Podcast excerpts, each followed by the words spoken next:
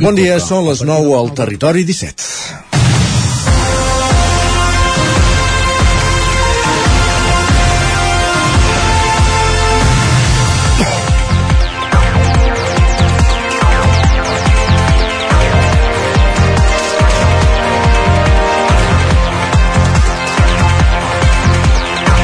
I quantes coses que vam aprendre divendres a l'edició especial del Territori ODS que vam fer des de la Biblioteca Pilarín Vallès de Vic.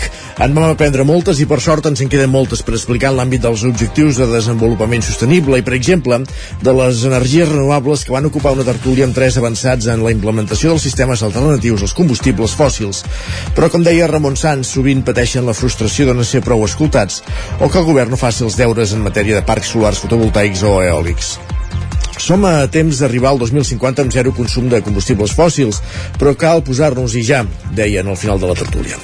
I una forma de posar-s'hi és la feina ingent que des de fa que fa l'Agència de l'Energia d'Osona i la vintena llarga de comunitats constituïdes en cooperatives. Avui una d'elles tornarà a ser protagonista del Territori 17. A partir de dos quarts de deu parlarem amb Ramon Roig de Balanyà Sostenible del projecte pioner que tenen sobre la taula per implementar una xarxa local de calor i fred que funcioni amb un sistema de geotèrmia per aprofitar la temperatura terrestre. El sistema rebria el suport de plaques solars per fer anar la maquinària, una combinació que, juntament amb el seu abast, converteix la iniciativa balanyanenca en un projecte pioner al sud d'Europa. La proposta ja ha despertat l'interès de l'Institut de la Diversificació i Estalvi de l'Energia, l'IDEE, L'Agència Estatal ha concedit al projecte una subvenció d'1,1 milions d'euros i s'ha interessat juntament amb altres subministracions públiques per saber-ne més detalls. Es vol implementar el barri de les piscines format per uns 110 habitatges i faria falta una quarantena de veïns que s'impliquin per fer-ho possible. Es calcula que l'estalvi econòmic en calefacció i aire condicionat seria del 75%, d'uns 2.000 euros anuals a 500. I aprofundirem a l'entrevista. Mentrestant, comença una nova edició del Territori 17, avui, dilluns 18 de desembre, a la sintonia del 9 FM, Ona Codinenca, Ràdio Cardedeu, La Veu de Sant Joan, Ràdio Vic, i també ens podeu veure, ja ho sabeu, a través de Twitch, YouTube, Televisió de Cardedeu, el 9 TV i la xarxa més. Dilluns 18 de desembre. Territori 17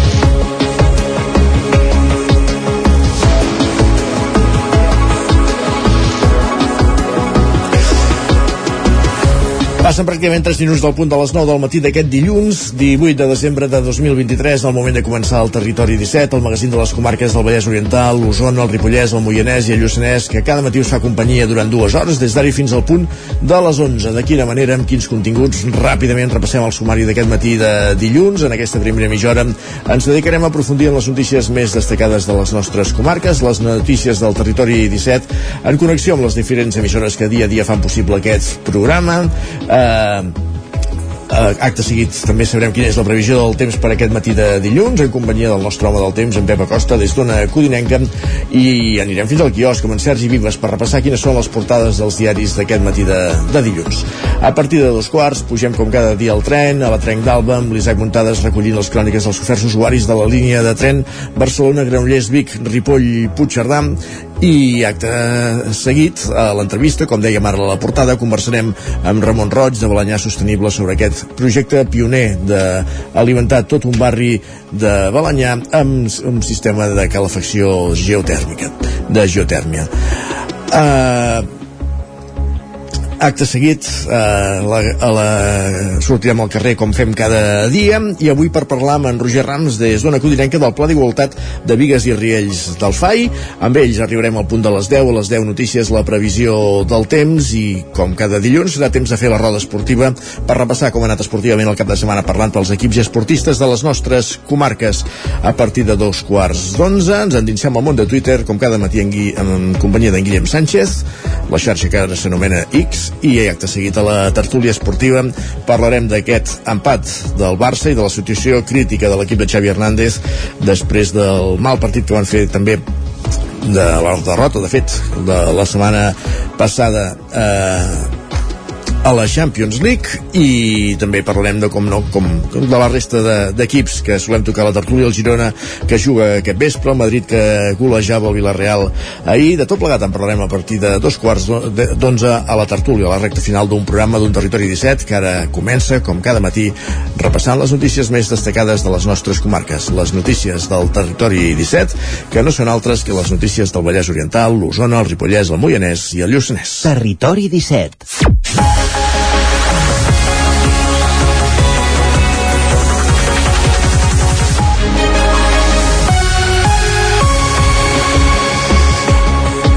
Un incendi crema un habitatge al centre de Sant Feliu de Codines. Va passar aquest dissabte a Roger Rams, zona codinenca. Sí, el foc es va originar passades les 5 de la tarda en una xamaneia d'un habitatge al carrer de Sant Saturi, al centre de la població, provocant un incendi molt aparatós. La intensitat de les flames va provocar que el foc afectés també l'habitatge del costat.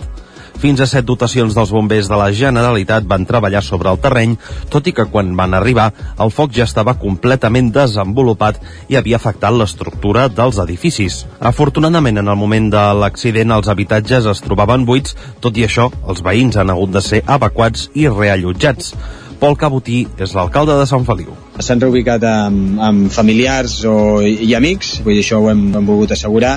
Ja havíem activat també amb serveis socials doncs, la possibilitat de buscar-los un, un allotjament i també doncs, això, no? la importància de tenir allotjaments d'aquests d'emergència, que justament al carrer Sant Isidre estem, estem a punt d'obrir-ne un doncs, per casos com aquests, poder atendre, poder donar aquesta sortida, ja no només de l'emergència, sinó també a nivell personal de les famílies amb aquesta assistència. L'alcalde apunta la bona col·laboració entre els propietaris de les cases i els cossos d'emergència com la clau per no haver de lamentar danys personals ni tampoc víctimes. Un incident així doncs, ens recorda doncs, la importància de prevenir, sobretot en cas d'emergència, d'esperar que treballin bombers, de no intentar entrar. Això ho ha entès molt bé la família, ha col·laborat molt en, en tot moment els afectats i els veïns, perquè intentar entrar al final s'està cremant la casa i l'instint et porta a voler entrar i, i el fet doncs, de tenir aquesta paciència i atendre tots els moments les instruccions de la policia de bombers i, i de tots plegats doncs, fa doncs, que, que hem pogut doncs, sortir d'aquesta situació sense, sense víctimes.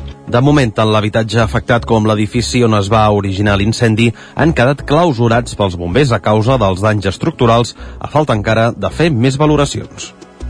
Gràcies, Roger. Anem cap al Ripollès perquè l'exalcaldessa de Can Davant, Dolors Costa, plega després de més d'una dècada a l'Ajuntament i després d'obtenir de, de només un regidor a les eleccions del passat mes de maig.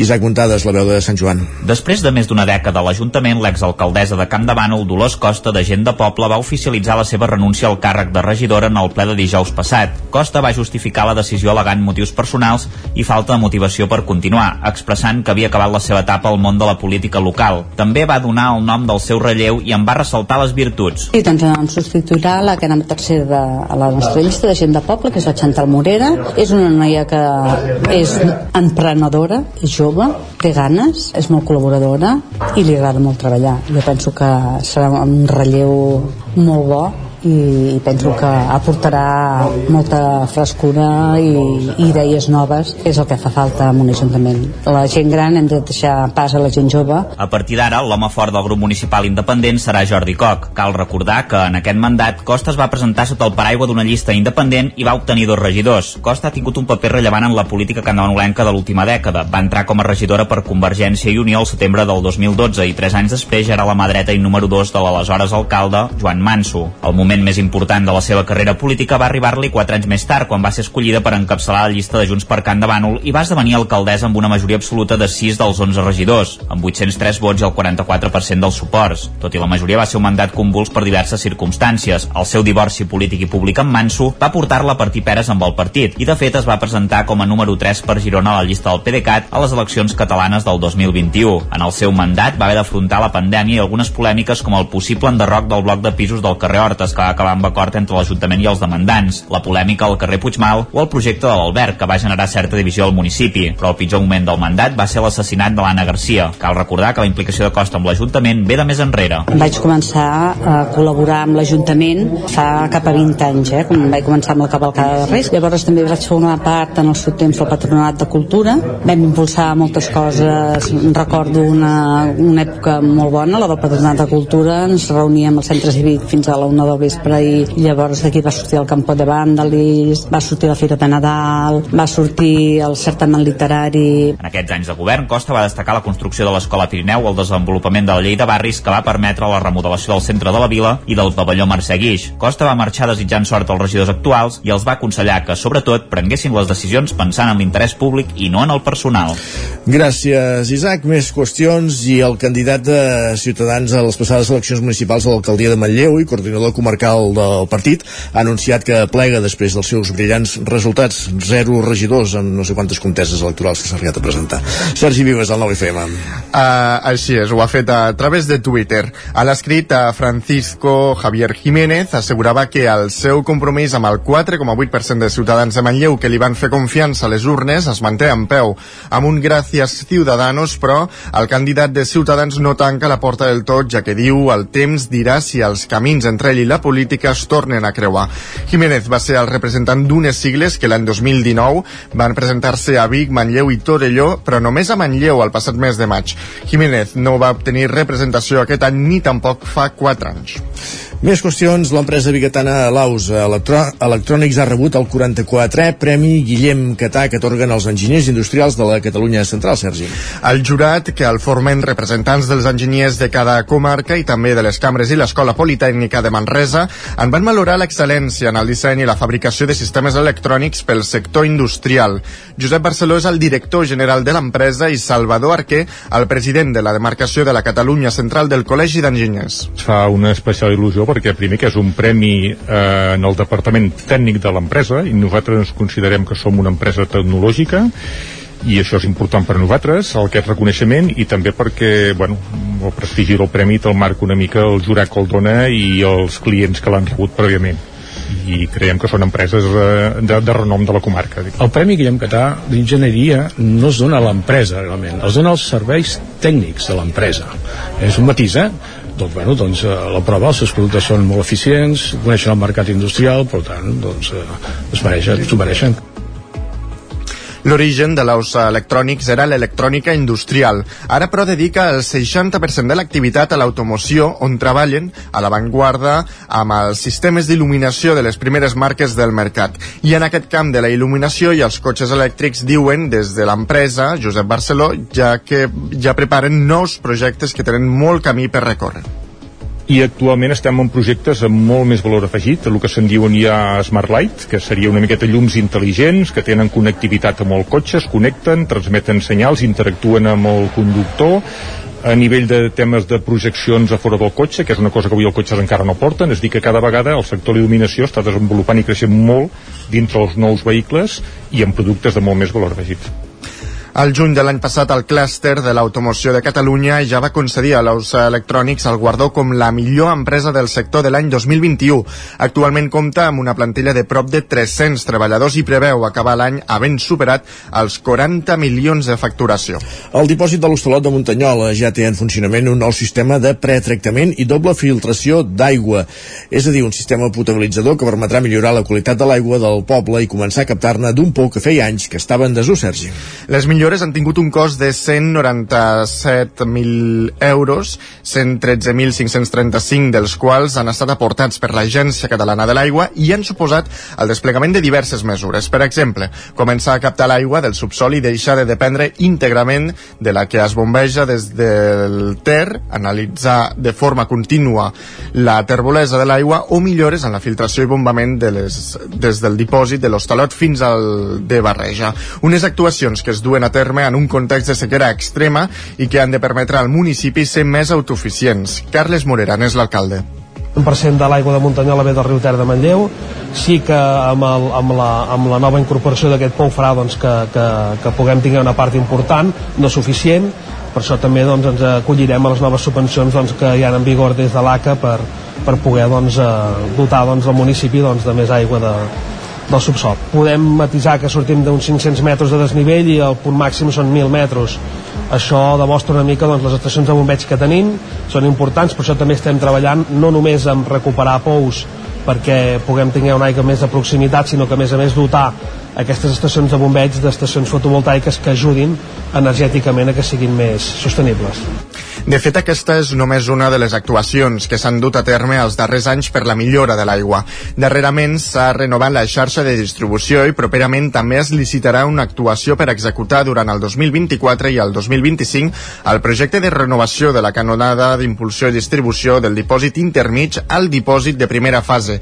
Samuel Reyes és el director de l'Agència Catalana de l'Aigua que avui un municipi de 700 habitants tingui aquest servei adaptat al segle XXI és molt important perquè es demostra que quan ens ajuntem totes les administracions, en aquest cas tenim doncs, l'Ajuntament, Diputació també ha participat en alguns projectes, l'Agència Catalana de l'Aigua i la seva empresa gestora, podem tenir uns resultats molt, molt, molt, molt bons i que no importa la mida del municipi, cal creure i apostar per un tema tan important com és l'aigua.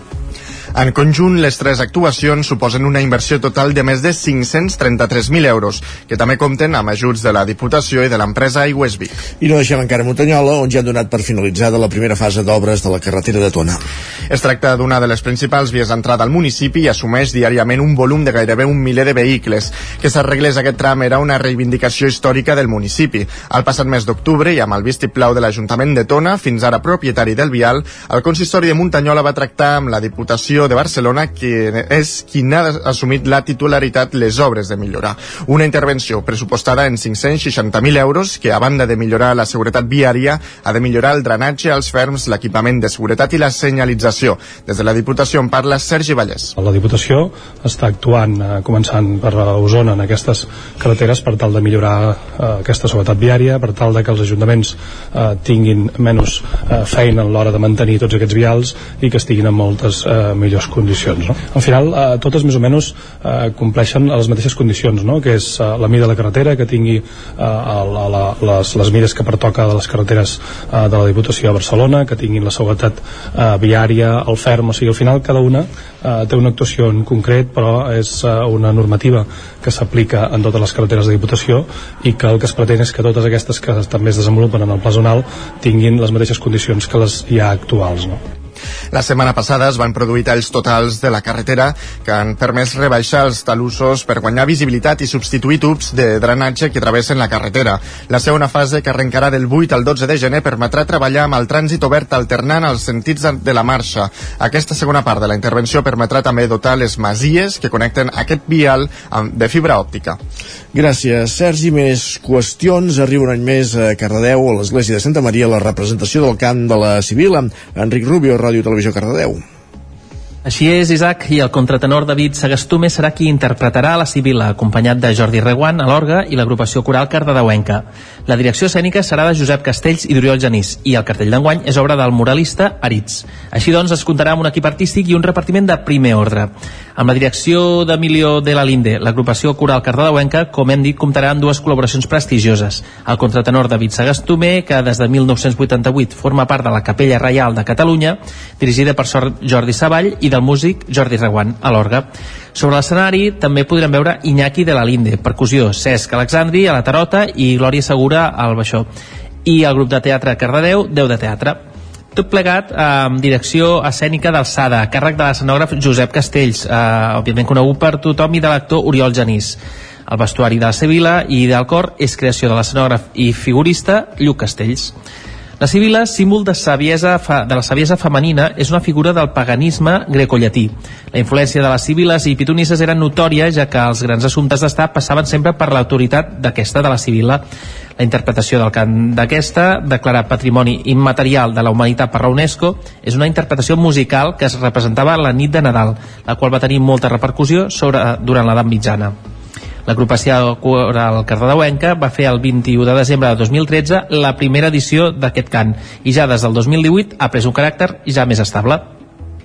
Gràcies, Enric. I així acabem aquest repàs informatiu que començàvem al punt de les 9 en companyia d'Enric Rubio, Roger Rams, Isaac Muntades i Sergi Vives. Moment de saludar també en Pep Acosta, l'home del temps. Per tant, tornem cap a una codinenca.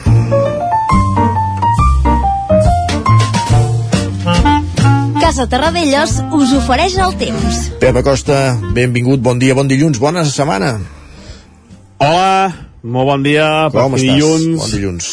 Comença una nova setmana, última setmana de tardor, primera d'hivern, i ho fem amb una enorme anticicló a sobre nostra que ens garantitza molta estabilitat.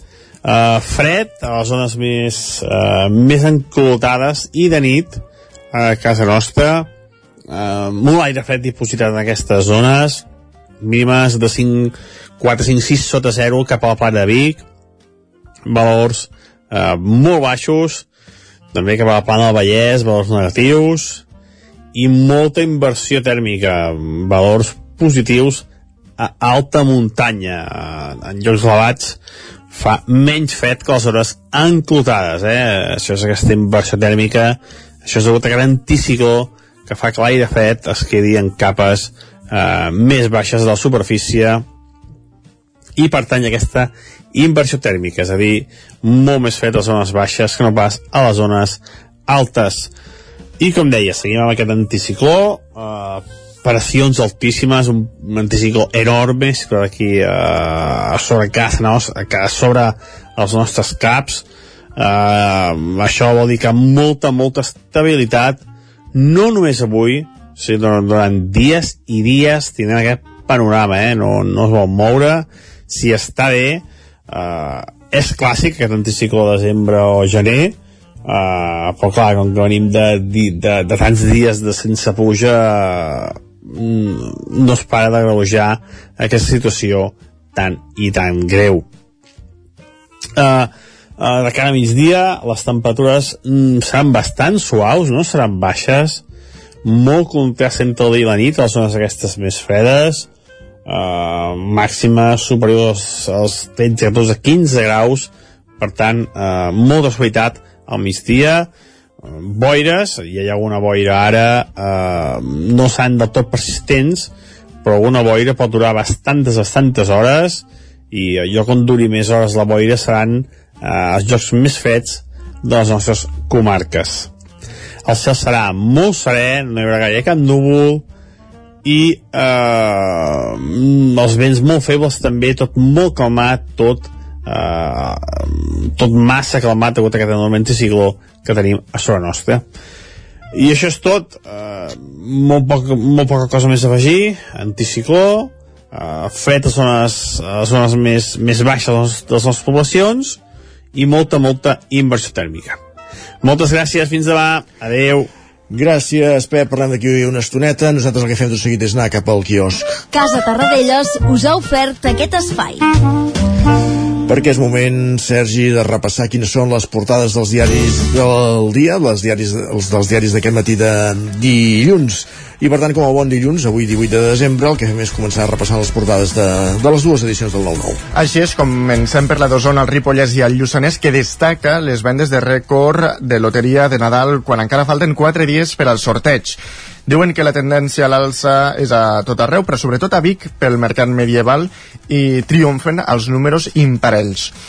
També destaquen que més de 6.000 persones eh, es calcula que han passat durant 3 dies per la primera fireta de la Pilarín que ha omplert el centre cívic Joan Triadú amb, de Vic amb múltiples activitats també eh, en gran part per conèixer a la dibuixant. Molt bé, que de fet era ja que no parava de signar autògrafs. Exactament. Eh? Més qüestions. El 9-9 del Vallès Oriental ens diu que el judici pel desastre ecològic de Dites, Ditexa al riu Bessos encara està sense data al cap de 4 anys. Diuen que el jutjat de Granollers acaba de tancar la instrucció del cas. També diuen que Mollet tindrà una pista de gel de 350 metres que fa servir aigua no potable. Molt bé, uh, més uh, insistim en el tema aquest de, de les pistes de gel presumptament sostenibles perquè fan servir aigua no potable o aigua residual clar, el cost de l'energia per refredar-la també l'haurien de, de computar però I la necessitat fi, de fer-ho exacte, és qüestionable. Tenint en compte que hi ha pistes de gel físiques on s'hi pot anar uh, durant tot l'any. Més qüestions, va, més portades, més diaris. Doncs el punt avui encapça la portada amb el titular cap a la rebaixa fiscal diu que el govern català aprofitarà la condonació per relaxar la pressió tributària al mes de gener. També ampliarà els beneficiaris de la deducció de per lloguer de l'habitatge habitual. El periòdico diu que la B40 es desencalarà abans de final d'any. Expliquen que Govern Central i Generalitat firmaran per Nadal el conveni que per fi dona llum verda a l'ampliació de la Ronda del Vallès. Diuen que Catalunya licitarà els contractes i executarà les obres. La Vanguardia entrevista a Cuca Gamarra, secretària general del PP, diu que Sánchez vol una foto amb Feijó per blanquejar-ne d'altres. També diu que les eleccions europees s'han convertit en clau per al futur d'Espanya per l'amnistia. Lara diu que el dogma de l'austeritat obliga Alemanya a fer retallades. Expliquen que el ministre de Finances ha imposat una reducció del, de 17.000 uh, milions d'euros al pressupost. Diuen que el govern suspendrà ajudes als cotxes elèctrics i l'energia solar i, crear, i crearà nous impostos. I repassem ara portades espanyoles. al país diu que els grups de, uh, debateixen canvis tècnics en la llei de l'amnistia. Diuen que el govern i els seus aliats busquen blindar la redacció sobre terrorisme. L'ABC diu que dos sospitosos de terrorisme van actuar en boicots de tsunami.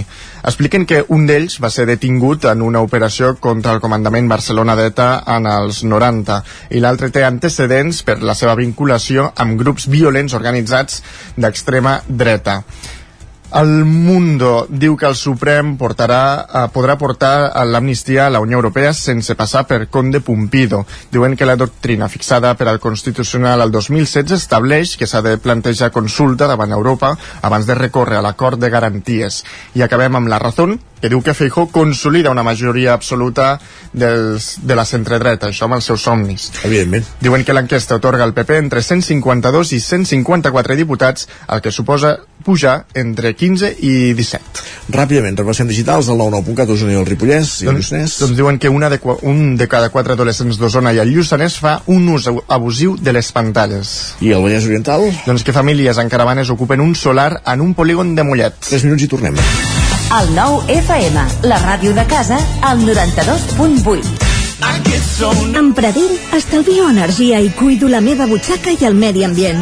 Posa't en mans de Pradell. Són experts en calderes de gas de condensació, estufes de pèl·let, energia solar, terres radiants i aerotèrmia.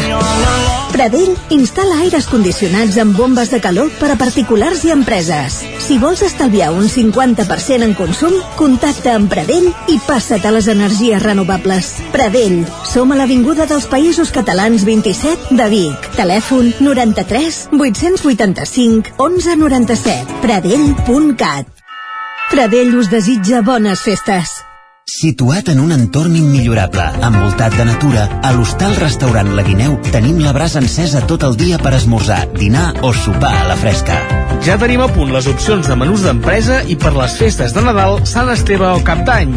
Estem especialitzats en opcions vegetarianes. Hostal La Guineu. Ens trobareu a l'urbanització Les Guilleries de Viladrau. Obrim tots els dies.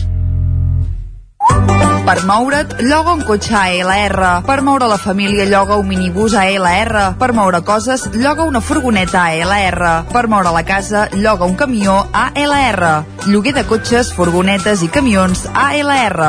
Ens trobaràs al carrer Francesc Sant Climent 83 de Vic i també a Olot i Manresa. Informa't al 93 888 60 57 o bé consulta el web alr.cat. Per a qui seria perfecte aquest piano de juguetos? Per a nens que donin la nota. I aquest maletí de pintura? Pels que volen pintar alguna cosa a la vida. Jugar és viure. I viure és jugar. Vine a la teva botiga Juguetos i emporta't el catàleg de Nadal. Juguetos. Queda molt per jugar. Juguetos. M'encanta regalar llibres de la llibreria Mater. Tenen novel·les que et fan viatjar a mons desconeguts, poesia que et fa sentir cada paraula, assaig que et fan reflexionar i contes infantils que fan volar la imaginació dels més petits.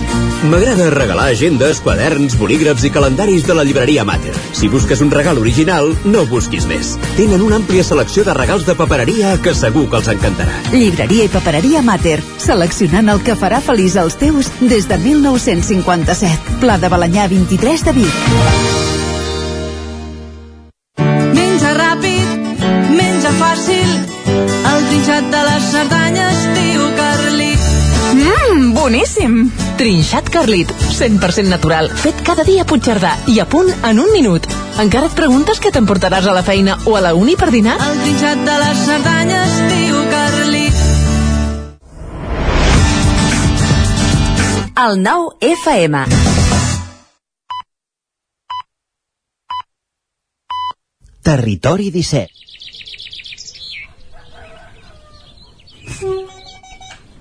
A Tren d'Alba. Cada dia els usuaris i usuàries de la línia R3 de Rodalies que veuen sortir el sol des d'un vagó ens expliquen les gràcies i les penes del primer comboi que uneix Ripoll i Barcelona o les feixugues jornades amb el tren després de treballar. Benvinguts a Tren d'Alba. Doncs sí, tal com informava la gent del col·lectiu perquè no ens fotin el tren, el dijous el servei va funcionar a la perfecció. Notis la ironia. L'últim tren del dia a Centelles, que arribava fins a Ripoll amb uns minuts de retard, va sortir a les 11 i 17 minuts de la nit, just quan arribava el bus substitutori des de Parets. I no es va esperar. Els usuaris, cap a més amunt de Vic, es van quedar tirats sense alternativa, ni informadors ni telèfon de Rodalies que tenia fins a les 11 de la nit. De fet, en Jordi Valls ens ho comença explicant a la seva crònica d'avui. Bon dia i matinada fresca. Res, que el dijous va passar el que havia de passar, que és que un tren no va esperar l'autobús i era l'últim i es va quedar gent tirada a l'estació de Centelles segons un tuit de per què no ens fotin el tren i altra gent que es queixava. Realment una meravella. Almenys l'últim hauria de tenir correspondència assegurar-se que tothom pot arribar a casa.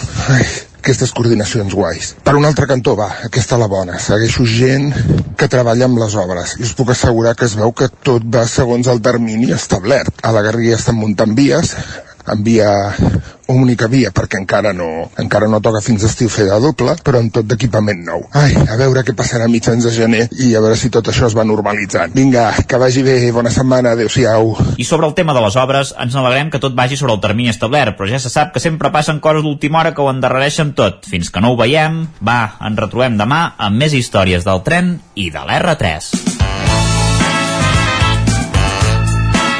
Territori 17.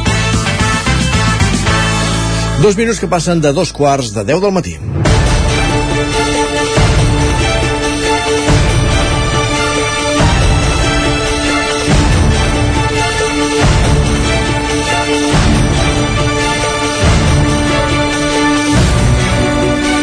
Ho explicàvem a la portada, Balanyà, la cooperativa Balanyà Sostenible treballa en un projecte pioner per escalfar i refredar tot un barri sense contaminar, tot amb, amb energia geotèrmica, sense, eh, per tant, sense combustibles fòssils. Per aprofundir en tota aquesta iniciativa, amb aquest projecte, ens acompanya un dels responsables de, de Balanyà Sostenible, que és en Ramon Roig. Benvingut. Bon dia, Ramon. Hola, molt bon dia. Bon dia. Gràcies per convidar uh, a tu per, per atendre'ns uh, aquest matí per, per explicar-nos uh, aquest projecte que d'entrada ja, ja ha rebut finançament per part de l'Institut per la Diversificació Estalvi de l'Energia, l'IDAE, l'Agència Estatal, uh, que ha concedit 1,1 milió, 1,1 milions d'euros per, per poder eh, tirar endavant aquesta iniciativa. Una, un sistema de calefacció i refrigeració eh, centralitzat, però tot amb energies eh, renovables, sense combustibles fòssils. Eh, Explica'ns una mica d'on surt la iniciativa i en quina fase està. Bueno, la iniciativa surt de que la cooperativa Suno eh, ens va proposar de fer un estudi per implementar una xarxa de calor a Balanyà feta amb biomassa. Uh -huh. Ens van començar a presentar una mica inicialment el projecte, però, però ens va semblar en el Consell Rector de que potser valia la pena fer un pas més endavant, anar un, una mica més enllà i aleshores va ser com vam començar a plantejar aquesta xarxa de, xarxa de calor i fred que diuen de cinquena generació eh, que consisteix això que s'ha explicat, o sigui, amb, basat en geotèrmia i amb energia generada en plaques fotovoltaiques i amb bombes de calor que estan a cada una de les llars, eh, tenir un sistema de calefacció passant de les típiques calefaccions de gasoil i gas a aquest model que és lliure d'emissions de CO2. Mm, una mica des del Consell Rector va ser l'impuls de, i en concret d'una persona del Consell Rector que és el que està més pagat amb aquestes coses perquè jo la veritat és que no havia ni sentit a parlar mai de xarxes de calor fred de cinquena generació. Uh -huh. uh, per tant és un, uh, està clar que és un projecte pioner. Uh, aquí el que falta però és una massa crítica. Es vol implantar en un barri de, de Balanyà que és el barri de les piscines on per les característiques dels habitatges va perfecte doncs, per fer o és, o és ideal, és idoni per fer aquest tipus d'iniciativa. Uh, però sí que fa falta una massa crítica per poder-lo tirar endavant, de veïns, per entendre'ns. Sí, aquests sistemes aquí en aquest país estem molt acostumats a cadascú tenir la seva eh, caldera la seva, de forma autònoma i independent de la resta de municipis. La veritat és que és una... el de les xarxes de calefacció és una pràctica habitual, en canvi en països nòrdics aquí no tenim aquest hàbit, hi ha molt pocs exemples, Sant Pere de Torelló jo crec que és a les excepcions més destacables i suposo que n'hi deu alguna més, però no n'hi no ha excessives més. Mm, en canvi, en altres països de molt més fred, fins i tot, o sigui, no, no és pas perquè siguin països on, on la temperatura és molt més eh, baixa, bueno, més, més normal, més estàndard, més confort, sinó que són països amb molt més fred, doncs és molt habitual. Mm, I la idea és, sí, fer-ho uh, en aquest barri. Uh, sí, i necessitem doncs, que un cert percentatge dels habitatges s'hi vulguin adherir. Com deies, els projectes són... El que nosaltres hem presentat és un projecte d'un milió vuit-cents, això inclou tant eh, la xarxa de calor que vindria a ser aprox un milió d'ocs, 200, uh -huh i 600.000 més d'instal·lacions fotovoltaiques i per fer-ho realitat això ens han subvencionat el 60% però l'altre 40% ha d'anar a, a càrrec d'inversió eh, dels, de, de, del municipi no? Uh -huh. i aquí és on necessitem convèncer uns quants veïns per arribar al punt mort. També és veritat que amb un finançament del 60% és infinitament més fàcil que si comencéssim amb zero finançament. Eh, per tant, des d'aquest punt de vista, confiem en poder trobar el nombre de persones suficients com per, per adherir-se al projecte i tirar endavant el projecte. Aquí hi ha un altre kit de la qüestió, que és que quan parlem d'energies de, netes, d'energia de, sostenible, segurament tothom entén que és millor, doncs això, una, una energia renovable que no pas un combustible fòssil, però si això ho acompanyem de, de la butxaca, doncs la cosa acaba de convèncer més, no? Estem parlant d'estalvis en despesa energètica del 75%?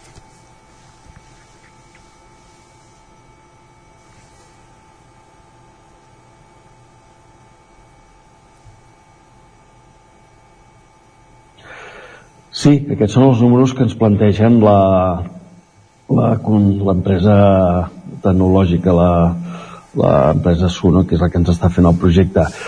S'estima que per una casa que, que estigui amb un consum d'uns 2.000 euros anuals amb calefacció i refrigeració, que podria ser una xifra bon, orientativa bona per al tipus d'habitatges que hi ha en aquest barri, doncs es pot passar d'aquesta xifra a un consum energètic de només 500, 500 euros. Per tant, seria precisament això, aquesta, aquesta reducció de costos que tu dius. Uh -huh. Aquesta reducció de la inversió i de la despesa anual és el que ens hauria de permetre amortitzar la instal·lació i fer viable de que Aleshores aquí eh, ja hem plantejat que hi haurà famílies que poden tenir aquest estalvi per afrontar aquesta inversió des d'un punt de vista inicial o altres que potser no tindran aquests estalvis però que poden estar interessats amb els quals el que plantejarem alguna font de finançament externa i que amb els estalvis d'energia es pugui pagar la, aquest finançament durant una sèrie d'anys i a partir d'allà doncs, queda aquella inversió per poder-la gaudir molt més a futur. I això quan? És a dir, quin, amb quins terminis, amb quin calendari treballem? Bueno, eh, hem començat a parlar amb els veïns, eh, estem ja en una fase de, de, de fer una llista, hi ha un formulari en el qual es poden apuntar tots els veïns que estan interessats, perquè aquí la primera feina que tenim, i aquesta és la pensem fer a la tornada de festes de Nadal, és una valoració in situ de cada un dels habitatges. Cal mirar en quin tipus de radiadors tenen, quin tipus de, de sistema de calefacció tenen ara, on es podria instal·lar la bomba de calor, fins a quin punt es podria substituir o allò. Bueno, s'ha de mirar una sèrie de, de coses in situ a nivell de cada una de les cases i, i quan tinguem això el, la torna serà de que per cada veí tindrem un, una proposta de quina inversió eh, l'implicaria per ell i quin estalvi estimem que podria tenir. Uh -huh. I amb, amb els veïns que s'hi adaptin, doncs, començar a fer la inversió. Per, tant, els Next Generation tenen una data límit de desembre del 25. Per tant, abans del desembre del 25, segur eh, doncs això no, no és gaire lluny, són dos anys al cap i la fi ara mateix. Mm, sí, però bueno, espero poder, esperem poder-ho fer més ràpid fins i tot.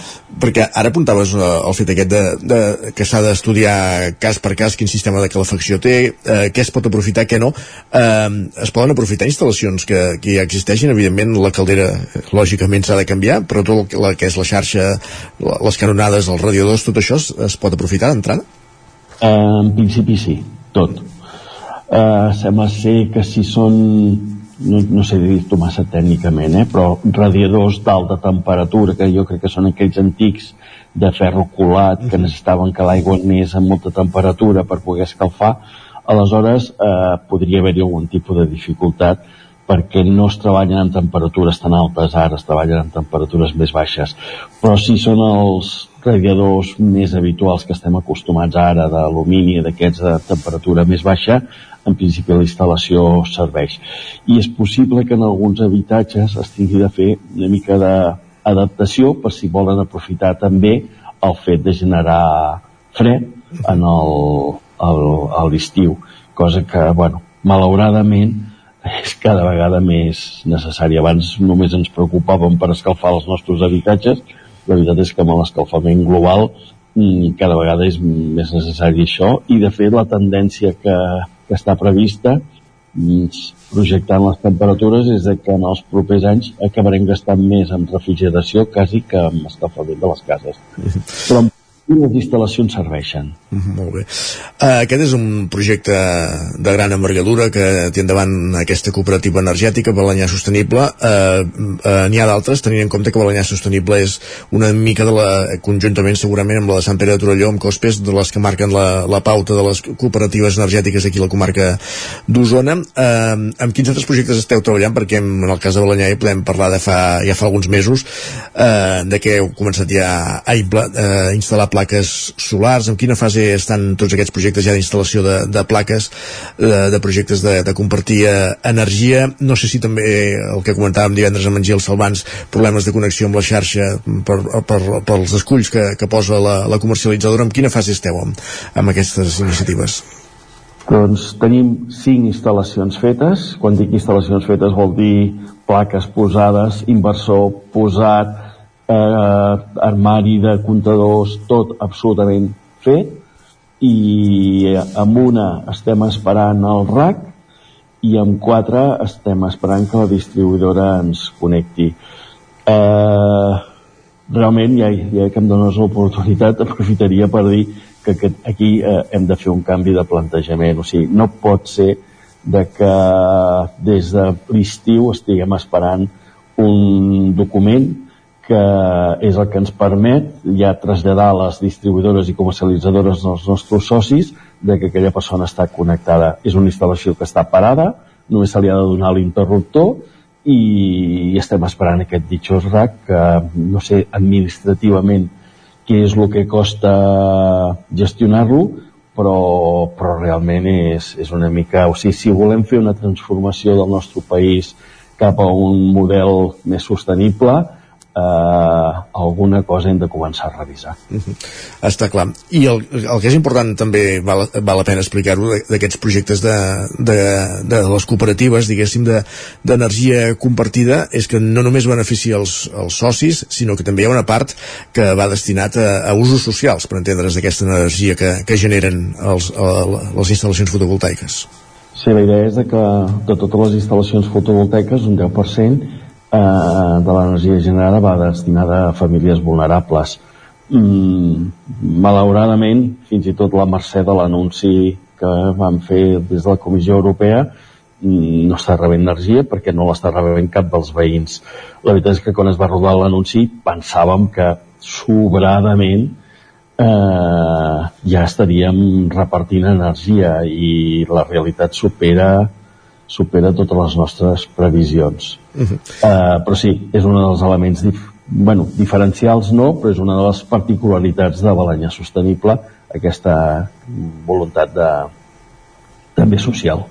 Perquè quina capacitat teniu ara mateix instal·lada amb aquestes cinc instal·lacions que, que comentàvem? Ara ens anem quasi als 350-400 kWp, ara no recordo de memòria, i això voldria dir que podríem estar donant energia pràcticament a, a 200-300 famílies. Déu nhi i tot ara mateix aturat per, per això, per, per les traves que, que posen aquestes eh, grans empreses que controlen el, el mercat elèctric eh, que no acaben de o tenir-ho a punt o si més no, això que deies no? senzillament eh, prem un interruptor. I administració pública també jo crec que hauríem de fer un esforç de posar-nos al dia. Uh -huh jo crec que l'administració, o sigui, el RAC en concret, depèn de la Generalitat de Catalunya. Entesos. Aleshores, eh, bueno, ens hauríem de pues, començar a plantejar l'altre dia ho parlava amb una persona de l'administració o sigui, nosaltres vam fer un RAC però va tardar tants mesos que es van haver variacions amb, aquella, amb aquell RAC una persona es va donar a baixar el comptador i aquell RAC ja no servia eh, clar, amb una, amb una instal·lació de 33 persones, amb una instal·lació on es connectin 100 persones, o, o, si avui el gestionem en qüestió d'uns dies hem de tenir la resposta, perquè del contrari sempre hi ha variacions, gent que, que deixa el pis de lloguer, gent que, que bueno, mil casuístiques que, que, que fan. Hem de ser infinitament més àgils. No sé què és el que hem de canviar i com ho hem de canviar perquè no tinc els coneixements suficients, però hem de ser infinitament més àgils. Queda clar. Ramon Roig, de la cooperativa Balanyà Sostenible, gràcies per seguir amb nosaltres al Territori 17 per explicar-nos aquestes iniciatives pioneres en l'àmbit de, de les energies renovables que esteu impulsant des d'aquesta de, des cooperativa i que esperem veure els fruits aviat en aquest termini màxim de, dels dos anys que, que comentàvem. Fins aviat. Sí. Moltes gràcies. Gràcies i fins la propera. Adéu. Bon dia. Adéu. I nosaltres que continuem al territori 17 i tot seguit parlem d'igualtat a l'antena del territori 17.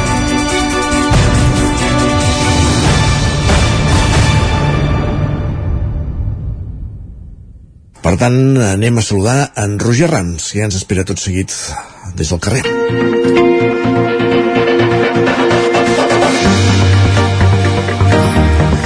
Avui a la connexió que fem cada dia des d'algun dels punts del territori 17 anem cap a Vigues i Riells del FAI, al Vallès Oriental, per conèixer en profunditat el nou pla d'igualtat que aquest poble, que aquest Ajuntament ha presentat en públic aquest mes de desembre. Per conèixer-el parlarem amb una de les seves autores, la regidora d'Igualtat Maite Escobar, des del Consistori de Vigues i Riells del FAI, i allà hi ha en Roger Rams, dona codinenca. Roger, bon dia. Benvingut. Bon dia, què tal, Isaac? Bé, i tu, com estàs? Uh, bé, bé, bé. Hem de dir que, com ara apuntaves que estàvem a l'exterior, la connexió que fem eh, cada dia des de l'exterior, avui ens hem refugiat uh, dins de la regidoria, eh, perquè uh, realment la temperatura aquí a la Vall del Tenes eh? apret avui, eh? M'imagino. Sí. sí, sí, sí, sí, estem a res, entre 0 i 1, estem allà, allà. Feia, feia fred. Da, va, com, doncs com deies, estem amb la Maite Escobar, ella és regidora d'Igualtat i també secretària de Feminisme d'Esquerra Republicana a la comarca comarca, aquí al Vallès Oriental. Amb ella volem conversar d'aquest eh, pla d'igualtat, pla local d'igualtat que, que s'ha presentat fa tot just uns dies. Uh, primer de tot, bon dia Maite, gràcies. Hola, bon dia, moltes gràcies per convidar-me. Uh, primer de tot, explica'ns una mica com ha estat el, el procés de, de creació d'aquest pla d'igualtat i entre qui l'heu fet. Ha estat un procés llarg, portem ben bé un any. Nosaltres vam començar des de la regi regidoria d'Igualtat treballant a nivell intern, primer endreces Casa Teva, i vam fer un pla local, un pla municipal, disculpa, un pla de l'Ajuntament d'Igualtat, i també un protocol d'assetjament, no només a nivell físic, sinó també psicològic. Eh, perquè nosaltres eh, he començat per aquí, però potser he de començar per dir que nosaltres vam creure molt en la regidoria d'Igualtat. De fet, la vam treure des de, de la regidoria de Serveis Socials entenent que la regidoria de Socials era molt forta i per tant necessitàvem una molt concreta i també després eh, vam apostar per la regidoria LGTBIQ+, a part. Per tant, aquesta feina la teníem molt clara. Vam començar per aquí i després vam veure clarament que era molt necessari fer-ho a nivell municipal, tot i que bueno, per la nostra dimensió de municipi potser no era obligatori ni necess... no era obligatori però sí necessari Eh, llavors, eh, amb la Diputació, amb els catàlegs que ofereix la Diputació de Serveis, eh, vam trobar aquest, aquest eh, servei, el vam demanar, ens ho han donat, i amb l'empresa Esberla, que és la que va contractar Diputació per fer aquesta feina, hem estat durant tot un any treballant amb, la, amb els col·lectius entitats del poble, eh, hem fet formacions, hem fet formació a tot el personal de l'Ajuntament, perquè l'atenció al ciutadà sigui clarament amb aquesta perspectiva, també s'ha obert a totes les entitats polítiques eh, del plenari en aquell moment, perquè ja dic, va començar tot en el mandat anterior i fins ara, que ja tenim un pla d'igualtat amb més a més en perspectiva LGTBIQ+, que era el que nosaltres volíem fer, i ara a treballar, és el primer, i vindrà el mes. Ara parlaves d'aquesta perspectiva de LGTBIQ+. De fet, aquest pla l'heu presentat fa pocs dies amb un acte, amb tot l'equip de govern, evidentment, i també amb la secretària d'Igualtat de la Generalitat, la Mireia Mata, qui va qualificar el pla eh, d'exemple a seguir per altres municipis justament perquè incorpora molt aquesta passant LGTBIQ+. Una mica explica'ns el per què. Nosaltres aquesta perspectiva la tenim molt clara des de, des de sempre i, i és molt evident des del mandat anterior inclús perquè nosaltres ja incorporàvem una persona del col·lectiu clarament, a més a més eh, eh, activista en aquest sentit, que és el Nico Mayolas, que ja en el mandat anterior va poder incorporar-se com a regidor i de fet és, és quan vam crear la regidoria LGTBIQ+. No és que tinguem, no és que puguem dir que tinguem una problemàtica molt especial en el municipi, eh, suposo que com tothom i normalitzada, eh? Uh, però sí que el fet de tenir-la ha evidenciat necessitats dins aquest col·lectiu, en aquest municipi, per tant trobem que és bo.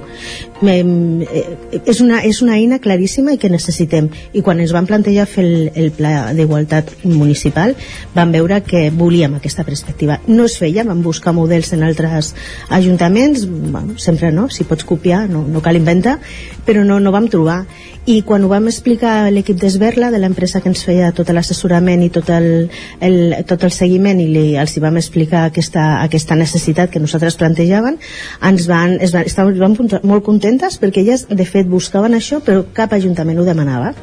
I amb la Generalitat, amb la Mireia Mata sempre hem treballat molt, molt, molt a prop i al, al proposar-li li va semblar també molt útil. Eh, bueno, jo estic molt orgullosa de que ella hagi dit el que ha dit, de que som un municipi petit i que ens hem atrevit a fer aquestes coses i ser referents per mi és molt important, ha d'haver-hi molts referents. Copiem, ho copiem Centrant-nos una mica en el document, eh, Maite, explica'ns una mica què és el que inclou aquest pla i com s'ha estructurat. Bueno, um, eh, té quatre eixos molt clars, així per ser molt eh, per abreviar, perquè és, és una miqueta llarg, però està a disposició, ara està en termini d'exposició, però de seguida ja el tindrem penjat a la web. Bàsicament eh, treballem per el compromís amb el feminisme i les polítiques LGTBI com a primer eix, el segon és eh, treballar amb els temps i els treballs, la, la corresponsabilitat, la, el número 3 seria la transformació en valors, treballar molt tot, tot, el, te, tot el tema de valors i, i, i, què, i, i què és el feminisme, que no, no, és, no és redolent. I el quart punt és eh, treballar molt contra les violències masclistes i les LGTBI fòbiques, evidentment. I aquests serien els quatre. Després, dintre d'aquests quatre, tenim 17 punts a treballar individualment i després accions tenim com 48. Um, I és el primer. Jo, un pla d'igualtat és al final una llista d'accions que tu et comprometes a fer. Nosaltres ja tenim moltes ja encetades, perquè com que dic que és un és un pla que ja fa un any que treballem, eh, ja, ja ho, ho hem començat. I després també està el tema eh, de la corresponsabilitat, de la transversalitat, disculpa, la, la transversalitat a l'hora de treballar entre àrees. Que jo sempre dic que a vegades ens, ens eh, amaguem darrere de les transversalitats per no fer la feina concreta i, i nosaltres crec que amb aquestes 48 accions posarem molt en evidència que sí que estem fent feina i que l'estem fent des de, des de fa temps. Eh, I és el primer, com dic, treballarem, eh, esperem que duri uns 4 anys i quan veiem que ja estem acabant pues agafarem el mateix document, revisarem la llista, mantindrem les que no hem fet i posarem de noves i eh, és començar, és començar per aquí. Per tant, serà un document, un pla viu, no? diguem així, que s'anirà modificant en funció del compliment o no i de les necessitats o no. Bueno, això vindrà a la renovació del pla. O sigui, ara treballem amb aquesta llista, no? És, a mi m'agrada comparar-ho amb això, amb una llista de tarees que tu et marques i vas posant el tic al costat de la que vas fent i, i vas valorant a mesura que arriba al final que ens hem marcat 4 anys per fer-ho i els, eh, el que sí que tenim clar és que als 4 anys farem un altre nou. Això que requerirà... Eh, eh, eh, perquè la revisió no serà d'aquí 4 anys. Nosaltres ens hem marcat dins del pla d'igualtat, a més a més, un seguiment constant d'aquests de, de tots els inputs i, i, la, i a més a més amb, re, amb reunions amb entitats que, perquè aquí es tracta de que tothom del municipi, ciutadans i ciutadanes, puguin parlar. Per tant, aquesta revisió serà constant i quan arribin els 4 anys, pues, la idea serà que ho tinguem tot fet i si no, pues, tampoc passa res, perquè no és un pla d'igualtat que finalitzi aquí, sinó que seguirà. Això t'anava a preguntar, perquè aquest pla, dins dels seus, de la gairebé cinquantena de punts que, que contempla, n'hi ha molts que involucren entitats esportives, culturals, associacions, escoles... Una mica explica'ns com es desenvoluparà i qui vetllarà perquè al final això es desenvolupi. És a dir, s'ha creat alguna figura o, o s'ha transmès amb les entitats? O... Sí, bueno, primer perquè ho vam fer amb ells Llavors, hem intentat, eh, ens hem reunit amb totes les entitats i hem intentat captar tots els punts que necessitaven.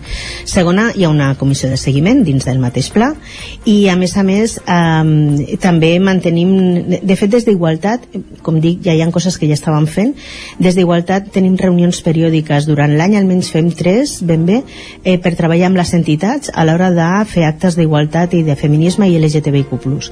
Per tant, aquest organisme pràcticament ja el tenim creat, el que passa és que aquest pla d'igualtat jo entenc que li ha de donar més força i a més a més ha de venir més gent a participar. Per tant, el seguiment, com dic, està marcat dins de la periodicitat, que hem de, les tarees periòdiques que tenim marcades dins del pla. O sigui que serà revisat i, i seguit, eh? rigorós. Ara comentaves, Maite, que eh, està en període d'exposició pública, que està pendent de, de publicar-se, però ja s'ha presentat, ja hi ha part de la ciutadania que el coneix, quina rebuda està tenint eh, per part dels, dels veïns i veïnes de Vigues i Riells? Jo crec que bona. S'ha de dir que eh, quan parlem de feminisme i de l'LGTBIQ+, la gent li agafa una mica de distància. Eh, a Vigues i Riells del FAI estic molt contenta perquè crec que és com un concepte que s'entén molt, um, segurament és perquè jo sóc molt pesada amb aquest concepte i sempre que puc i tinc oportunitat ho dic però el, jo amb la gent que vaig parlant a l'acte que van fer um, la setmana passada va venir prou gent, representants i els que no han vingut m'han fet, fet arribar eh, el seu pues, com a agraïment no? de, de, de tocar temes que habitualment potser en política no es toquen tant o que queden entesos i que després no es treballen. I sí que estic, jo estic notant una bona rebuda en general. Sempre hi ha una part política que segurament sempre hi haurà una crítica. A més a més eh, jo a tothom que, que parlo d'aquest tema dic que el feminisme està de moda perquè a la gent li agrada i tothom ara és feminista i també està en boca de molts per criticar el feminisme i dir que no és una cosa bona no? per tant aquesta polèmica també la tindrem i escolta sempre podem utilitzar-la en la part positiva si hi ha polèmica i es parla pues parlarem bé del nostre pla d'igualtat i en perspectiva LGTBIQ+. Doncs amb la Maite Escobar, regidora d'Igualtat de Vigues i Riells del FAI, també secretària de Feminismes d'Esquerra del Vallès Oriental, amb ella hem conversat eh, sobre aquest nou pla local d'igualtat que, com hem pogut veure, doncs, engloba diversos aspectes, té diversos objectius i, sobretot, seguirà viu en els propers anys. Moltes gràcies per passar per l'antena d'Ona Codinenca i del Territori 17. Moltíssimes gràcies a vosaltres per la feina que feu de difusió. Sense vosaltres no podríem. Merci. Gràcies, Roger, un matí més, doncs, des de l'exterior de l'estudi, avui des de l'Ajuntament de Vigues i Riells del FAI per donar a conèixer aquest pla d'igualtat. Fins aviat, Roger, fins a quina estoneta. Fins aviat, gràcies, Isaac, que tingueu bon dia. Bon dia. I nosaltres arribarem al punt de les 10 com ens agrada tot sovint, amb música. La setmana passada Obeses anunciava nou disc per aquest proper 2024 i amb ells arribarem al punt de les 10 amb aquesta versió de Rosó, pel teu amor. Doncs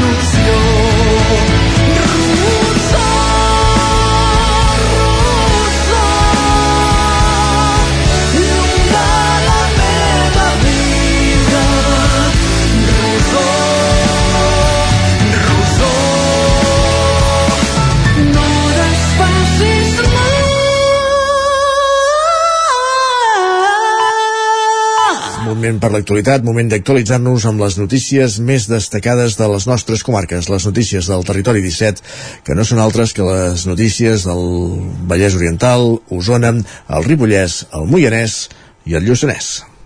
Territori 17.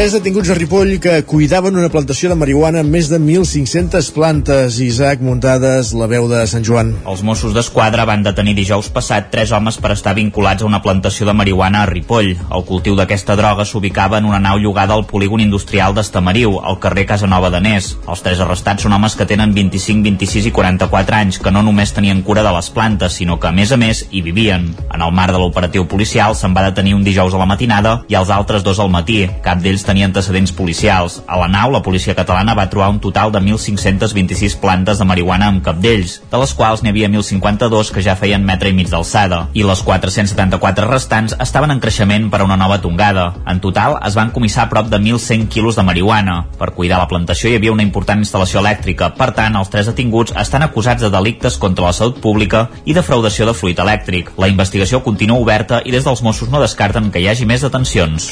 Gràcies, Isaac. I el Moianès, Castellterçol ja té plenament operatiu una xarxa de calor alimentada amb una caldera de biomassa. Roger Rams, zona codinenca.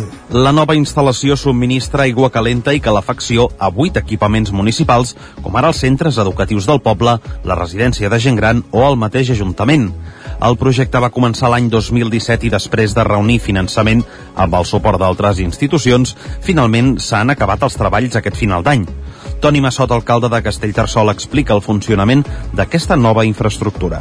És a dir, tenim una caldera central que el que fa és escalfa aigua i aquesta aigua la reparteix per diferents no radiadors, sinó intercanviadors de calor en els diferents equipaments. Aquests equipaments cadascun té la seva xarxa de calefacció que ja, que ja tenia anteriorment i l'únic que fa és escalfar-se en comptes amb la caldera que tenia en aquell moment, eh, escalfar-se amb aquest nou intercanviador de calor. Per tant, doncs, subministrem aigua calenta des d'un únic caldera. La xarxa de calor permetrà reduir costos i avançar cap a la transició energètica del poble. A la vegada, el projecte també està pensat per ajudar a treure profit econòmic dels boscos del país. En total, aquest projecte ha costat prop de 600.000 euros. A més, el combustible que alimenta la caldera és de proximitat, tot i no ser del Moianès, està produït a Catalunya un dels objectius o un dels avantatges de consumir biomassa és que el recurs és local. El recurs que és local vol dir que genera llocs de feina locals i no doncs, amb un pou de petroli eh, sabeu, de la planta de biomassa. I a més a més, la nostra licitació doncs, buscava també zones del risc d'incendi, buscava també que fos local i per tant doncs, aquí i també la disminuir la petjada de carboni d'aquest combustible. Aquest dissabte a les 12 del migdia s'ha fet una jornada de portes obertes a aquesta instal·lació per tal d'explicar el seu funcionament on s'hi han explicat tots els processos i funcionaments a les persones assistents. El dipòsit de l'Hostalot de Muntanyola ja té en funcionament un nou sistema de pretractament i doble filtració d'aigua, és a dir, un sistema potabilitzador que permetrà millorar la qualitat de l'aigua del poble i començar a captar-ne d'un pou que feia anys que estava en desús. Sergi Vives, al 9FM. Les millores han tingut un cost de 197.000 euros, 113.535 dels quals ha estat aportats per l'Agència Catalana de l'Aigua i han suposat el desplegament de diverses mesures. Per exemple, començar a captar l'aigua del subsol i deixar de dependre íntegrament de la que es bombeja des del Ter, analitzar de forma contínua la terbolesa de l'aigua o millores en la filtració i bombament des del dipòsit de l'Hostalot fins al de Barreja. Unes actuacions que es duen a terme en un context de sequera extrema i que han de permetre al municipi ser més autosuficients. Carles Morera n'és l'alcalde. 1% de l'aigua de Muntanyola ve del riu Ter de Manlleu sí que amb, el, amb, la, amb la nova incorporació d'aquest pou farà doncs, que, que, que puguem tenir una part important no suficient per això també doncs, ens acollirem a les noves subvencions doncs, que hi ha en vigor des de l'ACA per, per poder doncs, eh, dotar doncs, el municipi doncs, de més aigua de, del subsol. Podem matisar que sortim d'uns 500 metres de desnivell i el punt màxim són 1.000 metres això demostra una mica doncs, les estacions de bombeig que tenim. Són importants, per això també estem treballant no només en recuperar pous perquè puguem tenir una aigua més de proximitat, sinó que a més a més dotar aquestes estacions de bombeig d'estacions fotovoltaiques que ajudin energèticament a que siguin més sostenibles. De fet, aquesta és només una de les actuacions que s'han dut a terme els darrers anys per la millora de l'aigua. Darrerament s'ha renovat la xarxa de distribució i properament també es licitarà una actuació per executar durant el 2024 i 2025 el projecte de renovació de la canonada d'impulsió i distribució del dipòsit intermig al dipòsit de la primera fase. Samuel Reyes és el director de l'Agència Catalana de l'Aigua. Que avui un municipi de 700 habitants tingui aquest servei adaptat al segle XXI és molt important perquè es demostra que quan ens ajuntem totes les administracions, en aquest cas tenim doncs, l'Ajuntament, Diputació també ha participat en alguns projectes, l'Agència Catalana de l'Aigua i la seva empresa gestora, podem tenir uns resultats molt, molt, molt, molt bons i que no importa la mida del municipi, cal creure i apostar per un tema tan important com és l'aigua. En conjunt, les tres actuacions suposen una inversió total de més de 533.000 euros, que també compten amb ajuts de la Diputació i de l'empresa Aigües Vic. I encara en l'àmbit ambiental, Martí Boada va visitar Cardedeu per parlar sobre boscos i la seva situació actual, fent una menció especial al vilatà Mestre Comas, Enric Rubio, Radio Televisió Cardedeu.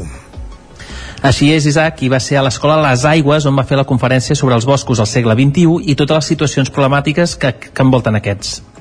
Uh, que clar, anem augmentant amb, amb, amb quantitat de boscos, que és una cosa poc coneguda, eh, amb la sequera es van morint molts arbres i el perill més gran que tenim en aquests moments és el risc d'incendi, és a dir, la, el pronòstic o la predicció és que es cremaran la majoria d'aquests boscos nostres estan destinats a cremar, eh, que és un, un problema realment molt rellevant. El doctor Boada va tractar sobre l'excepcionalitat del moment actual dels boscos i la seva relació amb el canvi climàtic, així com els incendis forestals, com ara recentment deia. Com a tema central, també va explicar què són i cap a on es dirigeixen. I, per últim, va tenir una menció especial pel mestre Comas. No és cuidar-los, sinó gestionar-los. Gestionar-los sosteniblement, eh? És dir, eh, no, no cuidar-los, sinó fer una gestió correcta, eh, això és molt important perquè si no un, un bosc d'aquests nostres cada any és, els arbres són més grans cada, cada any hi ha més arbres i llavors amb tants arbres el que hi ha és un, que amb aquest augment de temperatura que aquí a la zona nostra del Baix Montseny ha augmentat uns dos, grau, uns dos graus la, hi ha molta més demanda hídrica i això explica que s'hagin assecat la major part dels nostres rius i les nostres fonts i per tant hi ha d'haver gestió i després que aquests, aquests arbres morts és, és com pólvora diguem-ne en aquest moment la nostra comarca és en certa manera un polvorí Mestre Comas va publicar unes dades sobre el canvi climàtic, les quals s'han publicat a la revista més important del món i ara és una referència mundial. Gràcies, Enric. Més qüestions. El grup Bonpreu obre un establiment de 1.000 metres quadrats i 40 places d'aparcament a la renovada plaça Major de Tona, Sergi Vives, a l'OFM. S'ha construït a l'edifici de l'antic Cinema Orient i compta, eh, com dèiem, amb 1.000 metres quadrats de superfície. És tot d'una planta i per la part del darrere connecta amb l'aparcament de 40 places. Bonpreu hi ha fet una inversió de 6 milions i mig d'euros, entre els quals hi ha els 450.000 euros inclosos al conveni signat amb l'Ajuntament per reurbanitzar la plaça i habilitar dos pisos per a usos socials. Una obra que, segons l'alcalde Lluís Gès i el president de, i, i director general del grup eh, Joan Font, permetrà recentralitzar el comerç del municipi. Bueno, és ampliar l'oferta i per nosaltres que ara l'Ajuntament ens sembla que portarà més gent al centre, per tant, a part que millora l'oferta per les persones, doncs es recentralitzarà el comerç i pensem que pot servir com per animar el sector, vaja. El portar gent, doncs, els diferents comerços també se'n poden beneficiar. Aquestes botigues de 1.000 metres de sala de ventes tenen una funció important de servei a la població, a gent que no es pot desplaçar o que no es vol desplaçar, i proximitat, i dinamització de la resta del comerç del poble. La companyia de distribució Zonenca fa 38 anys que es va establir a Tona obrint el seu supermercat número 14 al carrer Barcelona, que va baixar la persiana fa poc. Joan Font. També, home, també em fa gràcia d'explicar que les tres persones que van obrir fa 38 anys al Bon Preu número 14 eh, totes tres continuen a l'empresa ara ens hem saludat i vol dir que porten totes tres 38 anys. Eh, a la 14 la vam obrir amb tres persones i aquí cap, quasi una trentena vol dir que els temps canvien i les coses canvien molt el nou supermercat de Tona s'ha construït amb sistemes energètics que permeten estalviar un 20% en consum i un 20% en emissions de diòxid de carboni respecte del consum i les emissions habituals en locals comercials d'aquestes característiques. Actualment el, gru el grup Bonpreu compta amb 136 supermercats Bonpreu, 56 esclat, 25 centres de recollida de la compra en línia, 60 benzineres, 14 minimercats i dona servei d'electricitat a 70.000 llars. I una altra empresa usonenca, en aquest cas Elaus Electrònics, ha rebut el 44è Premi Guillem Catà que atorguen als enginyers de la Catalunya Central. El jurat que el formen representants dels enginyers de cada comarca i també de les cambres i l'Escola Politècnica de Manresa en van valorar l'excel·lència en el disseny i la fabricació de sistemes electrònics pel sector industrial.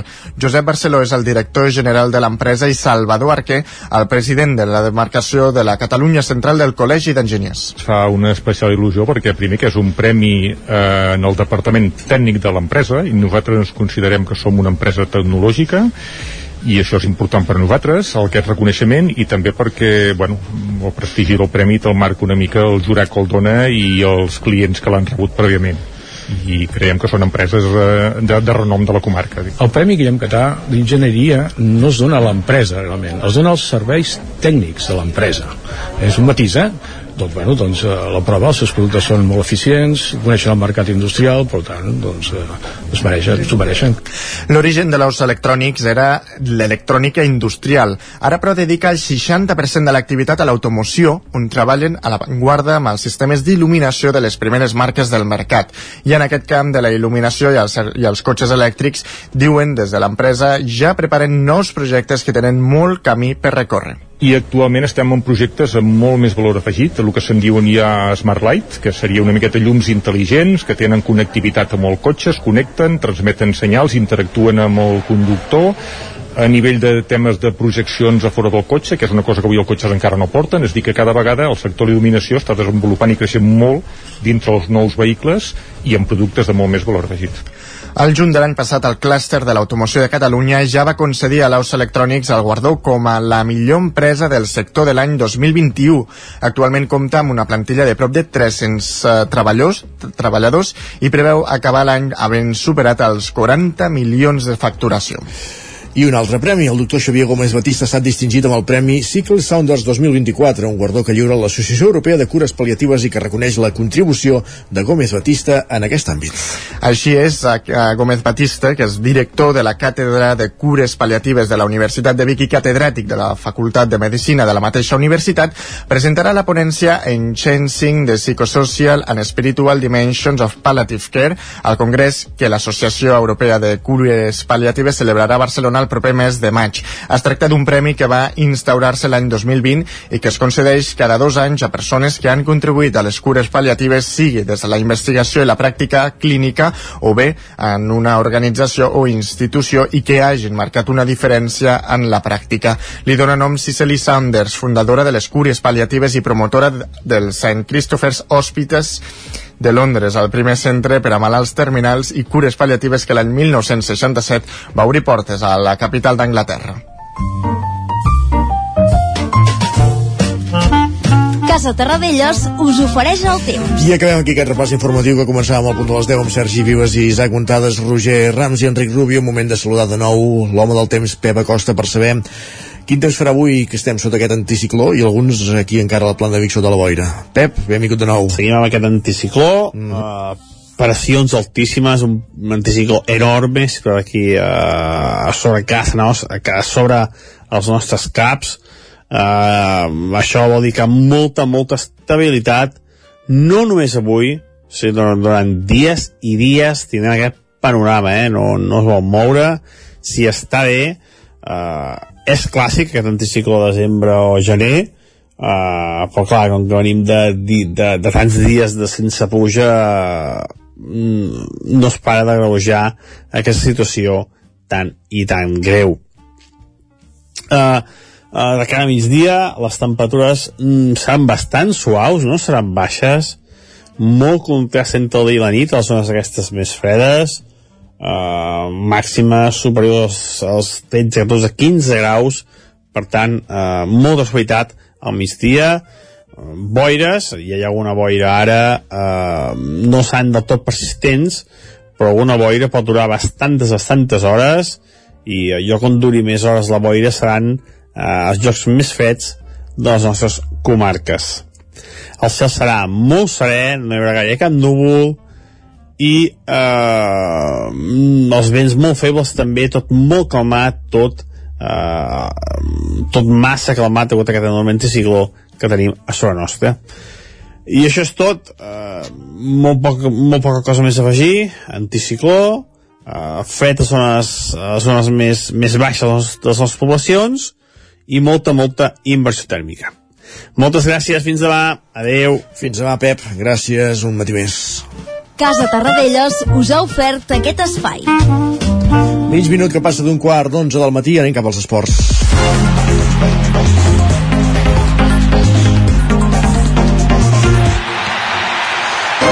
Moment de, de repassar què ha donat així la jornada del cap de setmana pels equips i esportistes de les nostres comarques. Ja ho sabeu, una roda que fem per les emissores del territori 17 i que comença a rodar als estudis de Ràdio Cardedeu. Enric Rubio, benvingut de nou, bon dia. Què tal, Isaac? Goita, no faré salts d'alegria, no? però tampoc puc estar decepcionat. Bàsicament perquè estàs assegut, si poses a saltar sobre la cadira riurem també, va. Malament, malament. A més no està molt fina aquesta. I és que et porto dos empats, una derrota i una victòria. Saps el, que el Xavi compte... també es conforma un empat amb els empats ara últimament. Sí, Sí, sí, sí, sí, i tant, i tant, i tant. I tant. Prenem exemple. I és que, bueno, saps que tenint en compte la trajectòria, això és un regal de Nadal avançat gairebé per doncs mi, eh? Uh, comencem amb el futbol Cardedeu on els de casa han empatat contra l'escola Futbol Mataró i han aconseguit salvar els mobles tenint en compte que els últims resultats uh, uh, no eren massa bons i ha estat amb un empat a uh, un gol Mentrestant, l'equip filial, jugant fora de casa, ha pogut arrencar una victòria als de Castellterçol, amb un resultat final de 0 a 1. Els agrollers ho han intentat de totes totes, però l'únic resultat que han pogut arribar al Camp de l'Horta ha estat de 2 a 2. Això sí, un empat suat i lluitat fins a l'últim moment, sens dubte i de la mateixa població, però en aquest cas els del bàsquet, no han tingut tanta sort i és que han perdut 75 a 63. Per tant, Isaac, l'enhorabona més sincera ja que van jugar a Vic. Ah, per tant, si hem perdut nosaltres, heu guanyat valtros. uh, I vinga, va, sabeu que us ho vaig dir, que tindríem victòria i de les bones, uh, que les de la Molt Cardeu tornarien a fer, i així ha estat. I és que han pogut aconseguir una victòria contra l'Amposta per 28 a 25. Espectacular, com sempre, no cal dir més que sobren les paraules. Així que ja ho veus, no puc estar pastís, hem fet els deures, n'hem tret un 6 ras, però mira, jo a l'ESO amb un 6 era motiu de festa grossa ja, així que bona, bona feina. Gràcies, bona feina, Enric. Bon dilluns. Parlem bon demà. Dilluns. Continuem aquest recorregut per les emissores del territori 17 cap on acudirem que encara al Vallès Oriental. Roger Rams, benvingut, bon dia. De nou. Roger? ara. Com cada dilluns fem un repàs a com ha anat la jornada esportiva del cap de setmana pels nostres equips i comencem pel futbol. A la primera divisió catalana, el grup 1, el Caldes ha sumat una nova victòria a domicili. Ha estat per 3 a 0 davant el Blanes, amb dos gols d'Albert Camí i un de Jaume Ramoneda. Atenció amb aquesta victòria d'Alcaldes perquè el col·loca líder de la competició amb 25 punts per tancar aquest any 2023, un any d'altibaixos a l'equip ballesà i que acaba de la millor manera. Més futbol a la segona catalana, el grup 4, el Sant Feliu de Codines, ha estat capaç de treure un empat a dos al camp del Voltregà en la 14a jornada de Lliga. Aquest punt no aporta gran cosa a nivell numèric pels codinencs que es mantenen coers en solitari amb 9 punts en el que ha estat també el darrer partit d'aquest any, un any festiu pel Sant Feliu que ha estat capaç de pujar de categoria de tercera a segona però que ho està passant francament malament en aquest inici de temporada. I per tancar el capítol futbolístic a la tercera catalana, el Mollà acomiada l'any amb una derrota per 2 a 0 al camp de l'Oarvic. Els moianesos són onzens a la classificació amb 16 punts en un primer tram de Lliga que en el cas de l'equip de la capital del Moianès tampoc no ha estat gens plàcid. Passem ara a l'hoquei patins, a l'hoquei Lliga Plata Nord, el Sant Feliu ha acomiadat l'any amb una derrota fora de casa. Ha estat per 3 a 1 davant el Calvo Escola Lubians de Galícia. Els codinencs són cinquens a la classificació amb 15 punts i han estat capaços d'imposar-se en 5 dels 9 partits que han disputat fins ara. I acabem fent un repàs a la Lliga Nacional Catalana Femenina d'hoquei patins, on aquest cap de setmana s'hi ha disputat la 14a jornada. El primer equip femení d'Alcaldes ha perdut per un ajustat 4 a 5 a la pista del Girona, mentre que les noies del Vigues i Riells han guanyat per 0 a 2 a la pista del Cerdanyola del Vallès. Gràcies, Roger. I continuem aquest recorregut als estudis del veu de Sant Joan per repassar els esports del Ripollès. Isaac Muntades, benvingut de nou, bon dia. Bon dia, Isaac, bon dia. Què ha donat així el cap de setmana? Doncs una jornada bastant dolenta pels equips del Ripollès, sobretot en l'àmbit poliesportiu. Carai. Uh, comencem una mica potser per les dues, els dos resultats més positius el grup 3 de la tercera catalana de futbol sí que hem de dir que la Badesenc va, traient un, va acabar traient un bon resultat d'un partit que se li va complicar molt, va empatar el camp de l'escola de futbol de la Garrotja després d'anar perdent per 2 a 0 fins al minut 88 uh, Mike amb un xut ras després d'un refús i fàtim finalitzar un contraatac uh, després de, desfer, de desfer-se la defensa van tenir la Badesenc contra les cordes i a més a més s'hi va afegir l'expulsió d'Isma falta d'un quart d'hora pel final. Però els Sant Joanins van treure l'orgull i Juanjo va fer dos gols en els dos últims minuts en un córner i també en aprofitant la pilota morta. Per tant aquest empat li dona a la Badesenc doncs, uh, la continuïtat del liderat i serà líder a, aquestes festes de Nadal amb 28 punts.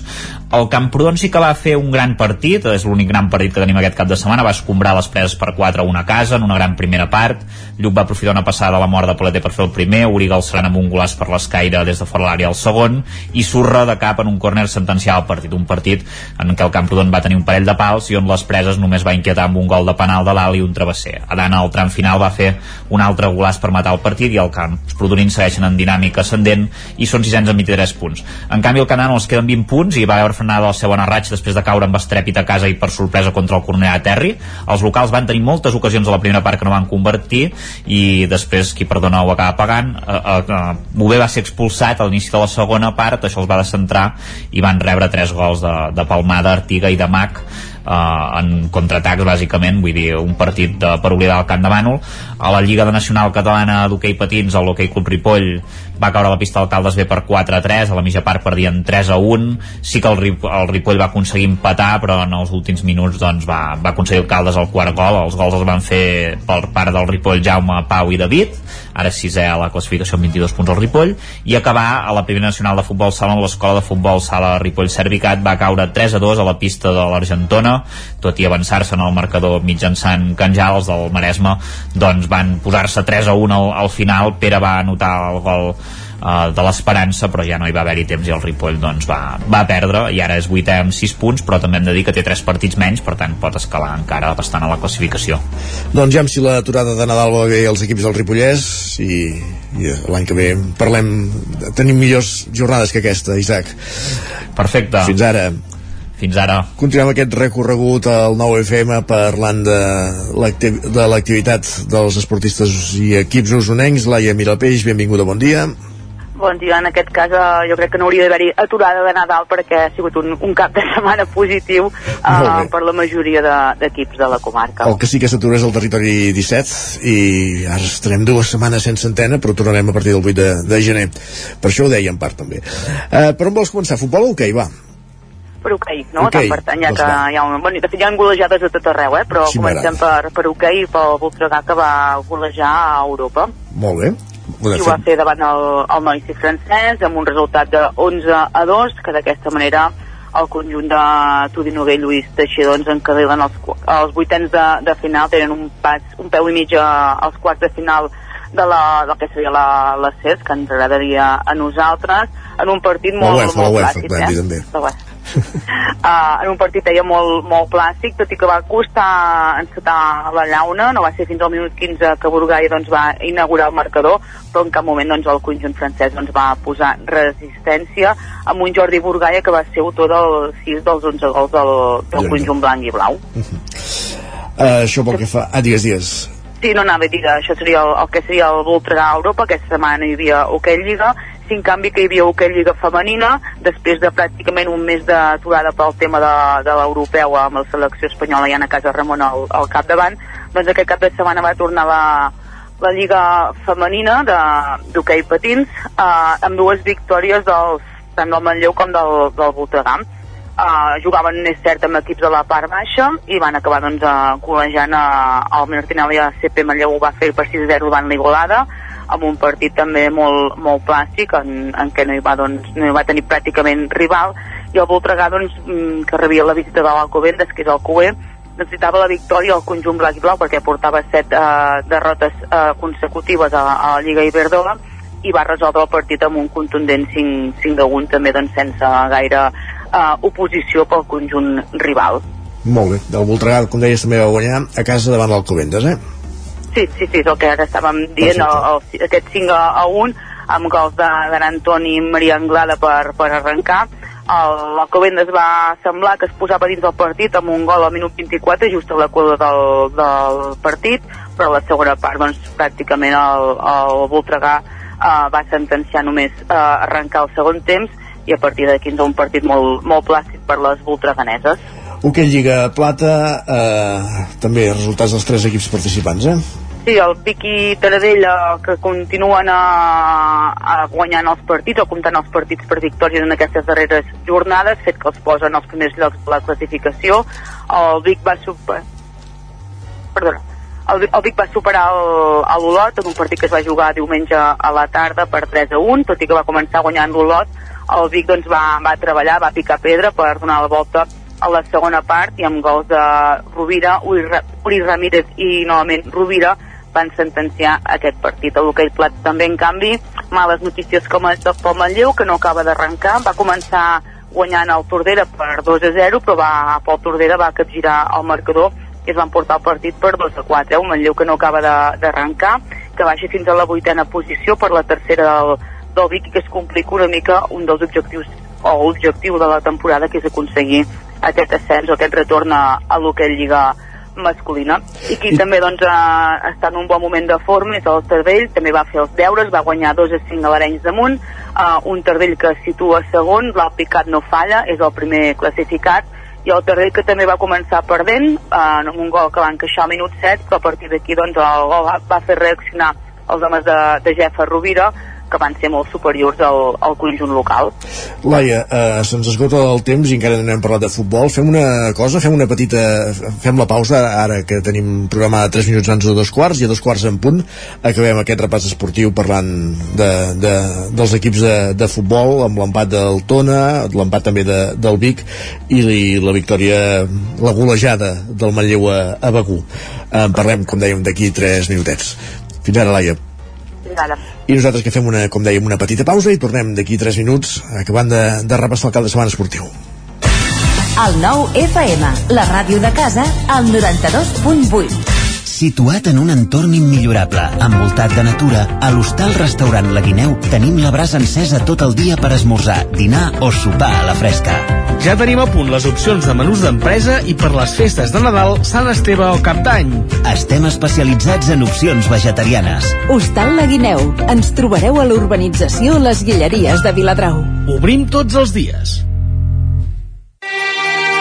Arriben les festes més especials de l'any i des del nou FM us ho volem dir d'una altra manera.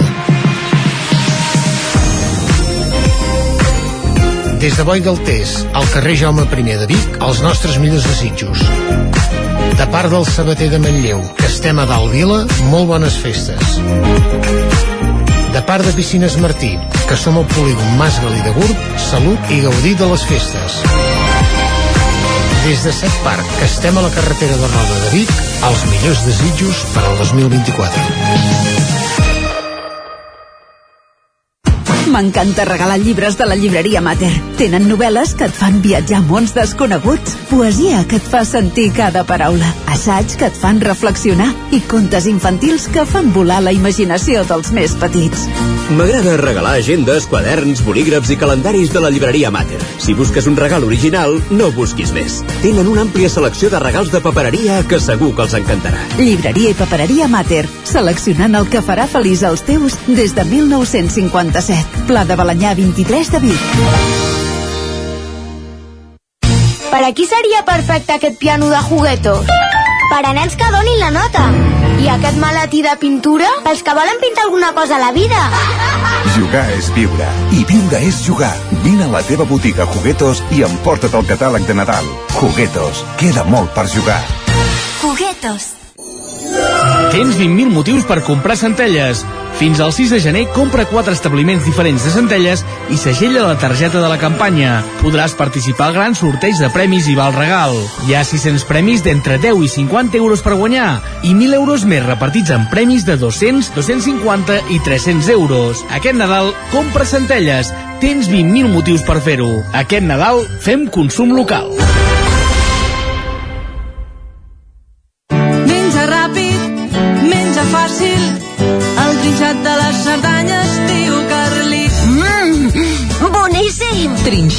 Carlit, 100% natural, fet cada dia a Puigcerdà i a punt en un minut. Encara et preguntes com t'ho faràs perquè els nens mengin verdura? El trinxat de les Cerdanyes, tio Carlit. El nou FM, el nou FM, el nou FM, el nou En punt dos quarts, doncs, al territori 17. Continuem aquest repàs esportiu que havíem deixat a mitges amb la Laia Miralpeix per ens faltava parlar dels resultats dels equips de futbol usonencs aquest cap de setmana. Laia? Sí, comencem pel Tona perquè va treure un empat del, del camp del, del Prat, van empatar a un. Eh, en un partit trebat eh, es van avançar els locals amb un gol al minut 61 però Piusker, que acabava d'entrar de fet feia res, 4 minuts que, que havia entrat de refresc. Amb una jugada individual va, va aconseguir doncs, marcar amb un gran gol per la, tota l'escaire. I fer pujar aquest empat que permet al Tona continuar a la part alta. Ara mateix són quarts amb 24 punts i un Tona doncs, que acaba l'any amb, amb molt bones sensacions a, a la tercera red Molt bé. El, Vi, el Vic, la Lliga Elite. Sí, tot i que també va empatar i que per tant doncs, sempre és bo mm, sumar i fer-ho en camp visitant no arriben gaires bones sensacions al partit que va fer el Vic al camp del Viladecans una mica doncs a un camp petit el Vic està acostumat a jugar a l'estadi Pelit Fanàs que és un camp gran uh, i quan es troba amb, amb rivals que juguen en camps petits no es troben gens còmodes no poden crear el seu, el seu joc i això doncs uh, provoca que no puguin generar perill i ocasions de gol i això una mica és el que va passar davant del Viladecans que no van trobar porteria, no van, de fet no van generar ocasions i tampoc en van rebre, això també és la, la nota positiva, que Agustí Mora va haver d'intervenir en poques ocasions, tot i que cal destacar que va haver-hi un pal per cada equip que hagués pogut uh, fer moure el signe del marcador, que al final doncs, va ser 16 gols, Viladecans 0, Vic 0, un Vic que, que tot i aquest empat es manté també a, a la part alta i sisè amb, amb 20 punts. I el Malló, que en va fer 7 al camp del Begú. Sí, sí, sí, sí el, el Manlleu eh, li van sortir molt bé les coses ahir al camp del, del Begur amb aquest 2 a, a 7 en el marcador, un resultat que li permet eh, situar-se líder en solitari gràcies a les pagades que van fer els, els seus rivals, entre ells l'Argentona que encadena dues derrotes consecutives. I davant el Begur el partit no, no va començar gens bé perquè van queixar un gol quan tot just havien jugat 5 minuts, un gol que, que va ser com un gerro d'aigua freda pel conjunt de, de Manel Sala però que a diferència d'altres partits doncs es va, es va refer i ho va fer doncs, eh, amb una golejada en pràcticament arribada que, que tenien eh, gol que marcaven, cal destacar els tres gols que va fer Toni Rossell, els tres més que va fer Omar i la pentinada amb el cap de, de Pol Bous, eh, la rebatada d'un córner, que són els, aquests set gols, eh, una golejada també històrica perquè feia molts anys que el, que el Manlleu no, no feia set gols i, i menys a domicili. Perfecte, moltíssimes gràcies, Laia. Perfecte, fins la setmana que ve. Fins la setmana que ve, bon dia. No, fins la setmana que ve no, ja fins, a, No, fins al fins- fins 8 de gener. doncs. Exacte. Bon dia. Bon dia. I ara sí, dels esports cap a Twitter. Territori 17.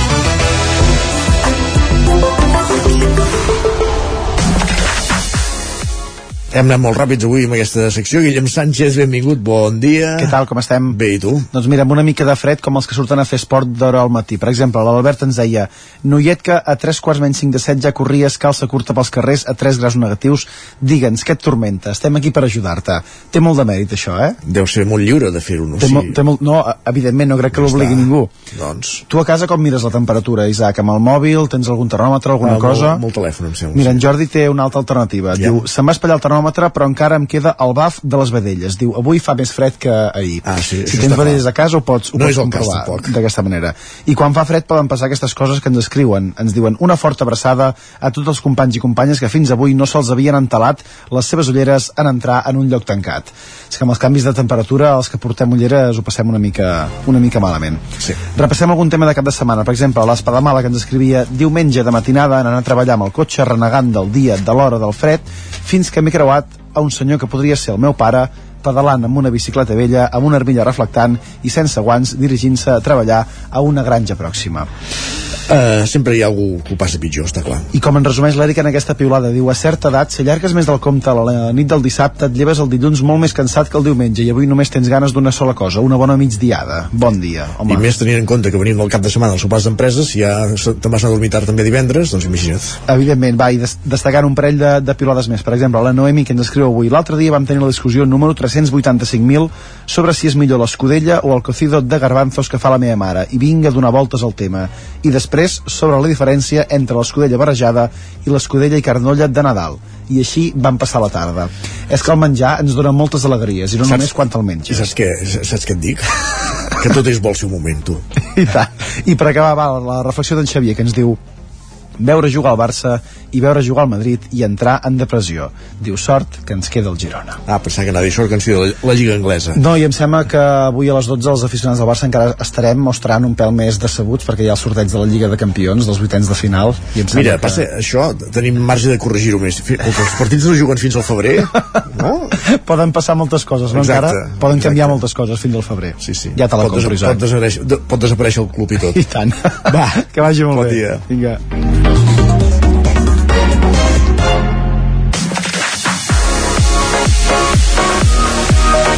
Territori 17.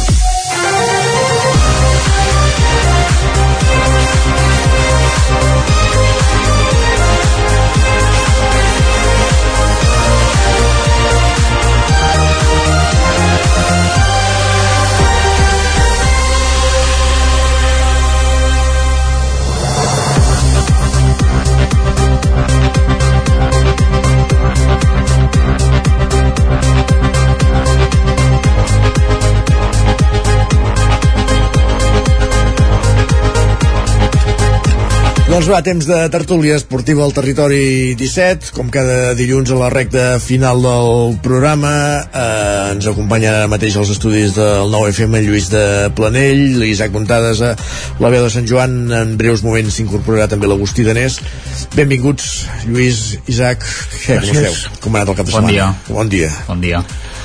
cap de setmana ha anat amb, amb pocs gols. Ah, pocs gols, sí, sí. Bueno, pel partit del Madrid no ho deus dir, eh, per això, Lluís, m'imagino. No, no, exactament. Ah.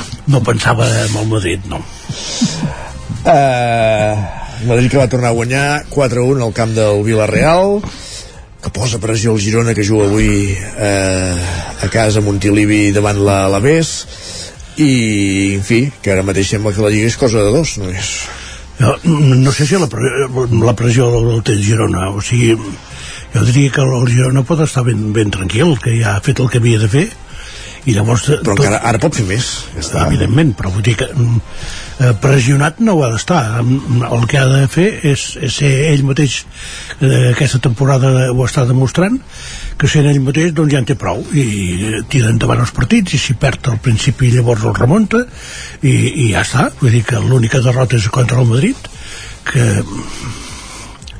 bé, molt lògic que no, no va ser pel resultat però eh, en definitiva doncs el, la trajectòria del Girona és prou ferma com perquè no hagi, per mi eh, no, no hagi de, de tenir o de sentir cap mena de pressió i simplement fer la seva, ja està aquesta temporada els hi surt tot i juguen molt bé i per tant jo diria que després de, de veure el partit d'ahir del Madrid jo diria que el Girona juga bastant més bé que el Madrid en aquests moments eh?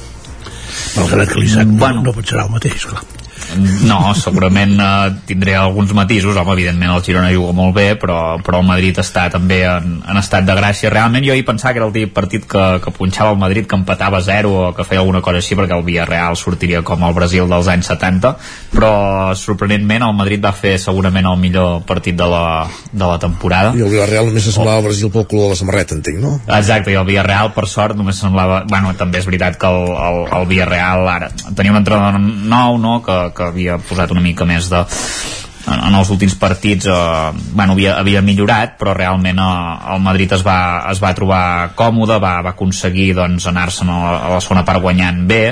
Va haver-hi dues lesions desafortunades de, de jugadors importants del Villarreal i, i també hi va haver-hi una que això és el que té més mèrit que és que també es va lesionar Àlava que ara el Madrid només té tres centrals i realment això és un problema i, i té molt mèrit això perquè ja tenim tres jugadors que s'han eh, lesionat amb lligaments creuats fins a final de temporada Àlava segur Courtois no crec que arribi tampoc i, i per sort Ancelotti va dir que Militao sí que podia estar pel final de temporada, però el Madrid va fer un gran partit i, est i estem veient que com més dificultats té el Madrid, els jugadors de segona fila eh, estan responent. Però, Aquest any hi ha però, banqueta. es confirma que l'Àlava són creuats Sí, són creuats, són creuats, ho va dir l'Ancelotti i ja s'ha confirmat, per tant també en té per tota la temporada, per tant el Madrid haurà d'anar a buscar un central al mercat d'hivern gairebé, gairebé segur perquè sí que hi pot jugar Oriol Romeu, que és, Oriol Romeu. que és el que va dir. Ah, bueno, no. Oriol Romeu no seria No el central, no, no, candidat ideal la veritat. Ni central. Però ni central ni, ni candidat per jugar al Madrid ni de, ni de suplent. Però és això que us dic eh, que, el, que El els francès, suplents eh, i, el francès? i la banqueta. Del Barça?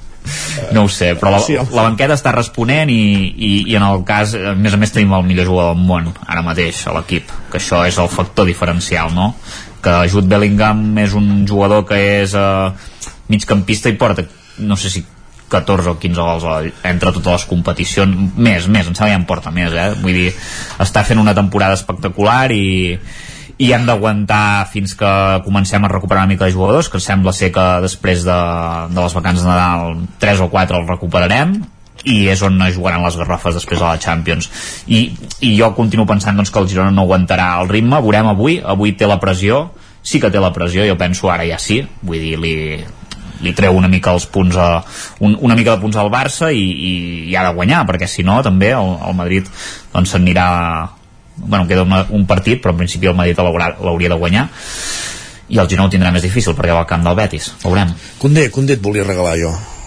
Condé, no, Condé és, uh, és un gran fitxatge que vau fer i us el podeu sí, Home, no, és que eh, a l'Espanyol ens en sobren un pell de central, si els voleu, mm, dos a preu d'un.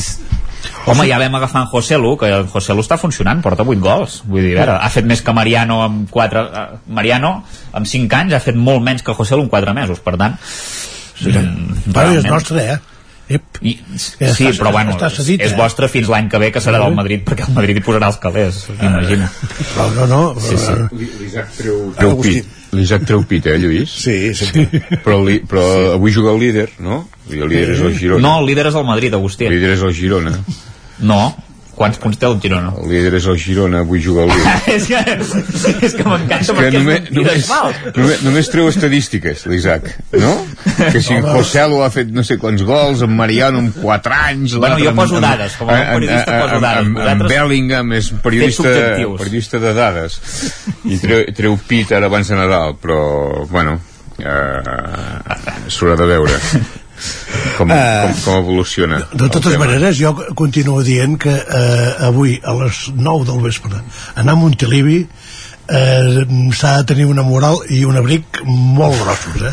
Un abric gros, eh? O- L'abric sobretot, sí. perquè Sí, sí. serà, fotrà una fresca Farà- per allà dalt farà Al, fred al Bernabéu no hi ha problema, Lluís, tapem el, el teulat Sí. i, I, ara ja no es pot, que hi posem. i ara, i ara ja no es pot fer allò que es feia abans, ja ho he explicat alguna vegada, que una vegada precisament contra el Girona, quan el Manlleu era, a tercera divisió era, no era, no era segona B, anaven forts, una vegada amb en Delfí Geli, l'actual president del Girona, era el davanter centre del Girona, i l'entrenador era el Xavi Agustí del Girona, i tenien, eren primer i segon i tenien un conflicte. I ara aquests dies de, de Nadal es va haver d'ajornar un partit per la boira, jugaven a Manlleu i es va haver d'ajornar per la boira i no es posaven d'acord, després clar, havien de buscar un dia entre setmana per poder jugar i el dia que volia el Manlleu el Girona no, no, no volia, jugaven una mica allò a, a fer-se la punyeta no? i al final, no, no sé com va anar la federació va fixar un dia els del Manlleu es van enfadar i el president, que era en Fernández i en Pons, van decidir que hi hauria entrada lliure i, ho dic per lo del fred, i rom cremat per tothom. T'imagines avui? O sigui, per fer passar el fred a la gent els donaven rom cremat. O sigui, avui ja, i, i no sé, no, no sé, la, la Guàrdia Civil, diguem, no hi va, no, no, no hi va posar cap, cap, cap impediment. Va guanyar el Manlleu 4-0 i en Geli el van expulsar abans del descans, perquè hi havia un ambient molt, molt crispat amb el Figeli, el van expulsar abans de la mitja part, però vull dir que Molt cremat ara, ara ja no eh? serveix, però Ara sí, sí, T'imagines això? Si oferissin ros, Rom rom cremat. cremat, en Geli eh, el tornarien a expulsar, Sí. però, però la model. Exacte.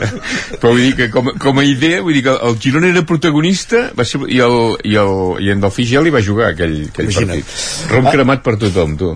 Uh, Eh, eh, deies de les estadístiques de, de l'Isaac, però la teva memòria també és... No, però això és una anècdota, una anècdota divertida, i no, no me'n recordo. Sé que era tercera... Era, era tercera divisió, això era tercera divisió, i era aquelles coses de, que, que, de fet, aquella època també, bueno, el Vic en Pla de Vall, no? Era, era, era aquella època que era un futbol diferent, no? Que tot era més...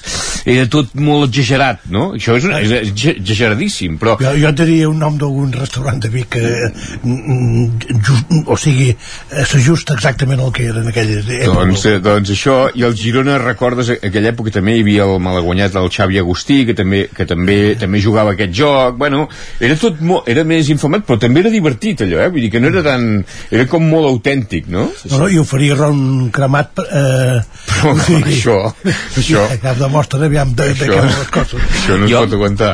Jo, jo ho hagués agraït eh, aquest cap de setmana que em va tocar anar a, a Camprodon i, i realment feia molt de fred eh? és, per, és per mirar això de cobrir partits del Camprodon a l'hivern eh? hem de mirar-ho eh? però a les 12 del migdia, no? No, no, a les 12 del migdia no. A les 4 de la tarda, però a les 5 és fosc a Camprodon i al camp no hi toca el sol. és a dir, Ai, és, sí, és, és bueno, si és fosc, si és fosc no sol tocar el Eh, sol. eh, aquests, aquests, No, bueno, la primera part, teòricament, joves, és- Lluís, és clar. no? Aquests periodistes joves. Exacte. Tu has, has, t'has patejat tots els camps de sorra a l'estiu, a l'hivern, i ara, i, i ara es queixa que l'Isaac Jo per és anar que a soc molt amic de la per anar a calor, eh? Soc molt Camprodon. amic de la calor. però la solució l'ha apuntat a Lluís, jugar a les 12 del migdia i resol, mira. Sí, però a les 2 del migdia hi ha un altre problema amb Ja. els equips joves. Ja sabeu quin vull Oh, dir. sí, noi, La clar. son. clar, és que aquest és el problema. Ja m'ho van dir, ja. És que... Jo li vaig dir, per què no jugueu a les 2 del migdia? Potser vindria més gent i tot i tindríeu... Llavors no tindríem problema jugadors. que, clar, els jugadors poder no vindrien, saps? O no Escolta. arribarien en condicions. Uh, Agustí, hem de parlar de dos partits, el de l'Anvers de dimecres i el del València de, de dissabte. És Eh, obligat. home, Ho tens per, bé. per contractes de Barcelona. Gairebé. No, no, és, eh, és, és obligadíssim. Bueno, Com, eh, tot Jo- això té solució, com està? Bé, a veure, el, el de, el de l'Anvers eh, crec que és un, partit desgraciat que no, que no compta vull dir, vull dir ja jugant per la, per la mateixa per la convocatòria, per l'alineació era un partit d'entrenament però... La convocatòria i la, i la segona Sí, convocatòria. la segona convocatòria, exacte, no? Però no té... Ja, ja sabeu qui fa, qui fa les convocatòries No, del Barça. l'entrenador, l'entrenador. Ah. Però l'entrenador, això és feina de l'entrenador. I, el, I les alineacions també és feina de l'entrenador. Però dit això, eh, jo crec que és, és, tot, tot va massa de pressa. És a dir, avui fa, deu fer 15 dies o 3 setmanes que vam, dèiem, en aquesta mateixa tertúlia, que el Barça havia fet un partidàs, que és veritat, contra l'Àtic de Madrid, que era un, Cert, sí, que era un molt bon rival i, i el Barça va, va, va jugar molt bé. I han passat 3 setmanes i d'això no ens en recordem, i és veritat que aquestes últimes 3 setmanes, o 15 dies, és que ha anat tot, absolutament tot al, al, revés, però començant per la pèrdua, jo crec que el més greu de tot és la pèrdua d'autoritat de l'entrenador i, i l'equip tècnic, perquè al final eh, tots som una mica entrenadors, però si tu tens un equip que funciona i uns jugadors que ocupen unes determinades posicions, si no hi ha un fet extraordinari, com pot ser el dia del Madrid amb Vinícius, que tu creus que has de fer un canvi de posició perquè aquell dia això ho requereix, fes, fes, fes les coses lògiques, no? I quan s'han fet les coses lògiques, doncs més o menys l'equip ha funcionat, i quan no, no. I, però jo crec que ara hi ha, hi ha aquest, aquest punt que és que la setmana passada amb el Girona es perd perquè el Girona juga a futbol i el Barça no, i, i aquest és el punt preocupant i després des de la banqueta no hi ha, no hi ha arguments per, per revertir eh, quan un partit no, no, no es posa de cara no? I, el, i el dia de l'Anvers que dic, jo no crec que sigui un partit per treure conclusions per tot, per l'alineació, pel, pels canvis, per la convocatòria, per la importància del partit, que no en tenia cap, més enllà de, del, del prestigi, però... I dels 2 milions 800 mil. Sí, de, eh, temes, d'acord, sí, sí, sí, tem, temes econòmics, però em refereixo que des d'un punt de vista esportiu la, ja, el peix ja estava venut i també s'arribava amb aquesta situació de ressaca de, de la derrota amb el Girona i tal, i el, i el partit del València doncs altra vegada malament perquè el Barça l'hauria pogut guanyar el partit però però, no, però és que el València és un equip eh, justet, justet, eh? I el I, gol... I a més amb, amb mitja dotzena de lesionats. Sí, mal, malament. El, el gol va estar bé, aquell, la passada d'en De Jong amb l'exterior, però és bastant clar que falta gol. Jo no sé ara si el, el, potser ens haurem d'encomanar aquest, aquest, aquest mercat de Nadal en el, aquest mercat d'hivern en l'arribada d'aquest jugador brasiler a veure si és un revulsiu a, a davant perquè ens falta concretar les ocasions i un, crec un brasiler de 18 anys us ha de Sí, resoldre bueno, el problema. um, tu, de, de, davanters eh, n'hi han pocs i els pocs... O sigui, davanters n'hi han molts. El que n'hi han pocs de bons, i els bons són cars. I, i aleshores aquí ja no, ja no, ja no pots competir. Però, però els, davant, els davanters bons i cars avui en dia ja, jo crec que no els pot tenir ni el Barça ni el Madrid. De totes maneres, estàs parlant de... de o, o sigui, no dones importància al tec eh, econòmic, però eh, el, el, la derrota d'Anvers i la derrota amb el Chartak pot representar, per al Barça ja ha representat sí, sí. més de 5 milions però pot representar-ne 55 segons diu avui el Mundo Deportivo perquè el Barça eh, és molt probable que no vagi al Mundial de Clubs i el Mundial de Clubs només per participar-hi tens 50 milions d'euros i eh, sembla que l'Atlètic de Madrid és el que està més ben puntuat i perquè, passés, perquè no passés això el Barça hauria de guanyar la Champions aquesta temporada, cosa que si el Bar no ho desmenteix, difícilment ho farà per, per rànquing, perquè va, va per rànquing això Exacte, puntuen, Va- puntuen Sí. i eh, eh, el que puntua per exemple són les últimes Champions Però que dir? hagis passat la, la fase de Clar, grups és, el, és el que volia dir, però en tot cas la criatura no, no plora pas del partit de l'Anvers, és perquè portem dos anys seguits sense passar, sense passar la fase de, però la fase el de Barça està a 7 punts de l'Atlètic de Madrid que si hagués guanyat el Shakhtar i hagués guanyat el- el- l'Anvers estaria a dos. Eh, per tant, Que al final- seria més fàcil. Mm, els, equi els equips grans, eh, que això el Barça durant, durant 10, 10 o 15 anys eh, eh, doncs va- ser al final les, les copes d'Europa o, els, o els títols es, es compten. Però tu ets gran quan cada any arribes a semifinals de la Champions i això va durar 10 o 12 anys que el Barça ho aconseguia cada, oh, bueno, si un any podia caure quarts però arribava a la, a la final, semifinals i una altra època això ho havia fet el, el, el, el Milan per exemple també no? però ara és clar, aquesta situació del Barça és molt crítica i això s'ha d'anar remuntant eh, de mica en mica i aquest any ha, hauria de ser l'any d'arribar lluny a la Champions l'any passat es va guanyar la Lliga, correcte aquest any la Lliga està més difícil no vol dir que estigui perduda perquè, perquè això queda moltíssim i els equips tots tenen alts i baixos i el Madrid també perdrà punts segur però el Barça ha de fer bé la seva feina és que el Barça no està fent la seva feina i a la Champions és la, és la, és la competició que una mica, si tens una mica de fortuna en el sorteig i el ser... És avui. I, i, els, i els ser eliminatòries, bueno, doncs allà pots tenir alguna opció però no, no, estic d'acord que, que malament i aquesta dada que, que expliques que no, que no n'era conscient doncs és il·lustrativa perquè al final és, que és, és això és un, eh, no, o sigui, va lligat el tema esportiu va lligat claríssimament amb el tema econòmic perquè sense diners mm, pots fer algun miracle però, però poquets jugadors a, a cost zero o ja tenen una edat i estan de tornada que n'hi ha algun cas Com o, no, fet, o, sí. o, o, o no tenen el nivell i si has d'anar a pescar en equips que no són top com, com ha passat amb Oriol Romeu doncs um, el resultat és el que és i, i, no, no, i no, no ho dic per ell, ho dic també l'any passat, eh, Bellerín és el mateix cas és a dir, els, els jugadors els futbolistes per jugar a primera divisió eh, no, no tots els que juguen a primera divisió són jugadors pel Barça d'haver un En plus Bellerín és titular indiscutible ara amb el Betis altra vegada. amb el Betis Clar, sí, sí. i també ho seria l'Espanyol Segurament, i sí, el sí. Saragossa i el Villarreal però, Oh, i algun altre equip també, eh? però, però llavors el No, però és que més, és. Eh, a més si fitxeu laterals drets que llavors feu jugar a l'esquerra L'esquerra, doncs també és coherent tot això no? amb el City jugava a l'esquerra també, però jo crec que el, Però, el, el vau fitxar el vau Cancelo dir, ha, de, ha de jugar de lateral dret claríssimament. Sí, ho més, dir és on rendeix, és claríssim. És que ho va dir, és, És que, eh, ja tenim un lateral dret És ara juga a l'esquerra És claríssim. Eh, el que jo vaig trobar preocupant també són les declaracions de Xavi a la prèvia de la Champions dient que havia mirat el partit del Girona i que havia jugat molt millor que el Girona i que no van tenir fortuna, clar, això que és li, increïble. li dius amb un marciano però clar, és que tothom va veure el partit i van queixar quatre gols al Barça, com pots dir això? És, és preocupant, per, per, perquè no tens arguments És preocupant viure en aquesta bombolla, no? Sí, perquè a més... Xavi, si, si tingués dignitat ja hauria dimitit. És, no, tampoc, tampoc tant. Home, sí, ostres, Agustí porta, porta no sé quants partits que a les Però si va guanyar la Lliga va, el primer any va, va, va arribar amb un equip eh, desballestat li van dir que es classifiqués que es havia classificat per la Champions va quedar segon i va guanyar 0-4 al Bernabéu 0-4 el primer any objectiu complert. El segon any va guanyar la Lliga, que, co que costa molt guanyar la Lliga. I ara aquest any és la prova del cotó. Aquest any s'ha d'arribar lluny a la Champions i, i la Lliga s'ha de competir. I el Barça no pot quedar quart en la Lliga. I a més és que té plantilla per, per fer-ho.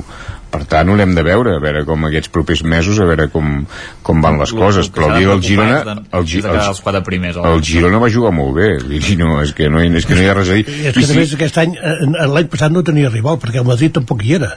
I aquest any en té dos. I d'aquests, o, tres, de, depèn de l'Atlètic Tres, de Madrid.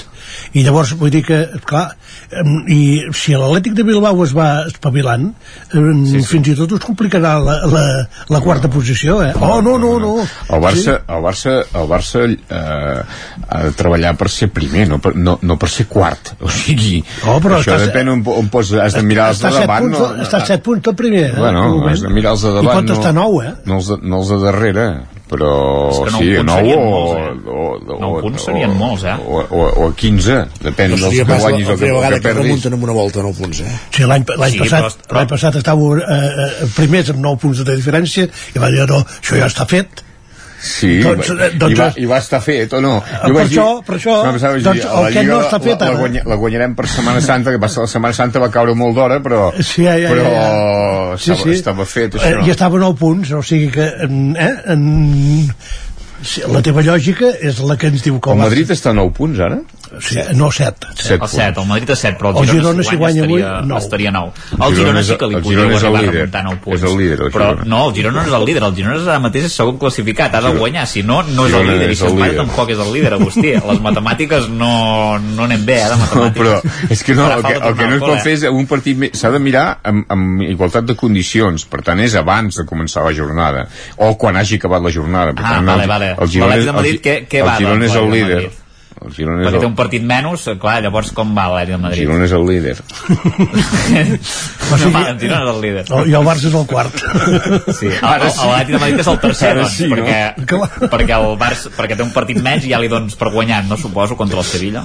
Ja està guanyant aquest partit. Home, O no? el Sevilla, no sé, ara si jugarà futbol a partir de, que fitxi un nou entrenador. se sap ja el nou entrenador del Sevilla? no, de moment no ha sortit Quique, cap no? nom. Sánchez Flores? Deien, Jo diria que és... però que- oficialment sí. no ha sortit res que jo sàpiga. No, oficial no. I, Bueno, qualsevol millorar el que hi havia ara. i l'Andorra de Piqué, què? Lluís. Torre de Piqué. També fa molt fred a Andorra. Vas anar-hi, no? Un a un. No, perquè eh, eh, em feu anar a Vila de Cans a, a veure el Vic es queixa. la crònica del Vic Amb un esclar, camp petit, ja ens ho Balai, un camp petit. Uh, sí, no, no, un camp petit, una capsa de mestos.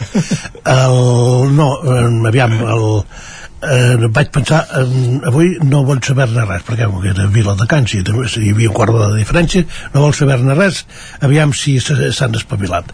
I llavors quan vaig saber que no s'havien espavilat doncs bueno, ja està, un a un i Santes Pasques es veu que no, no- sap greu no haver estat al camp perquè es veu que li van dedicar unes quantes cançons en en Piqué Això és el més important, segur. sí, sí. eh, i m'hauria agradat molt sentir-les però no, no perquè és clar abans es ficaven amb, la, amb en Piqué i a Shakira però ara és clar Ah, ara la no Shakira és. deu ser la bona, no? exacte, suposo que no sé, no sé Ara és bona la Shakira. Sí, sí. no sé com va potser, potser van cantar cançons a la Shakira no sé aquella de, de, no sé què, del cotxe i del Clio i no sé quantes coses però no, no, no, us, no us en puc dir res perquè l'única cosa que sé és el, eh, el lamentable paper que va fer l'equip una vegada més a fora de casa però demà, eh, ben d'hora, també allà a les, a les quarts de deu del vespre anem a Cornellà eh, també amb, amb, amb bufanda i abric i no sé quantes coses Amb dos dies de diferència jugueu, mare de Déu.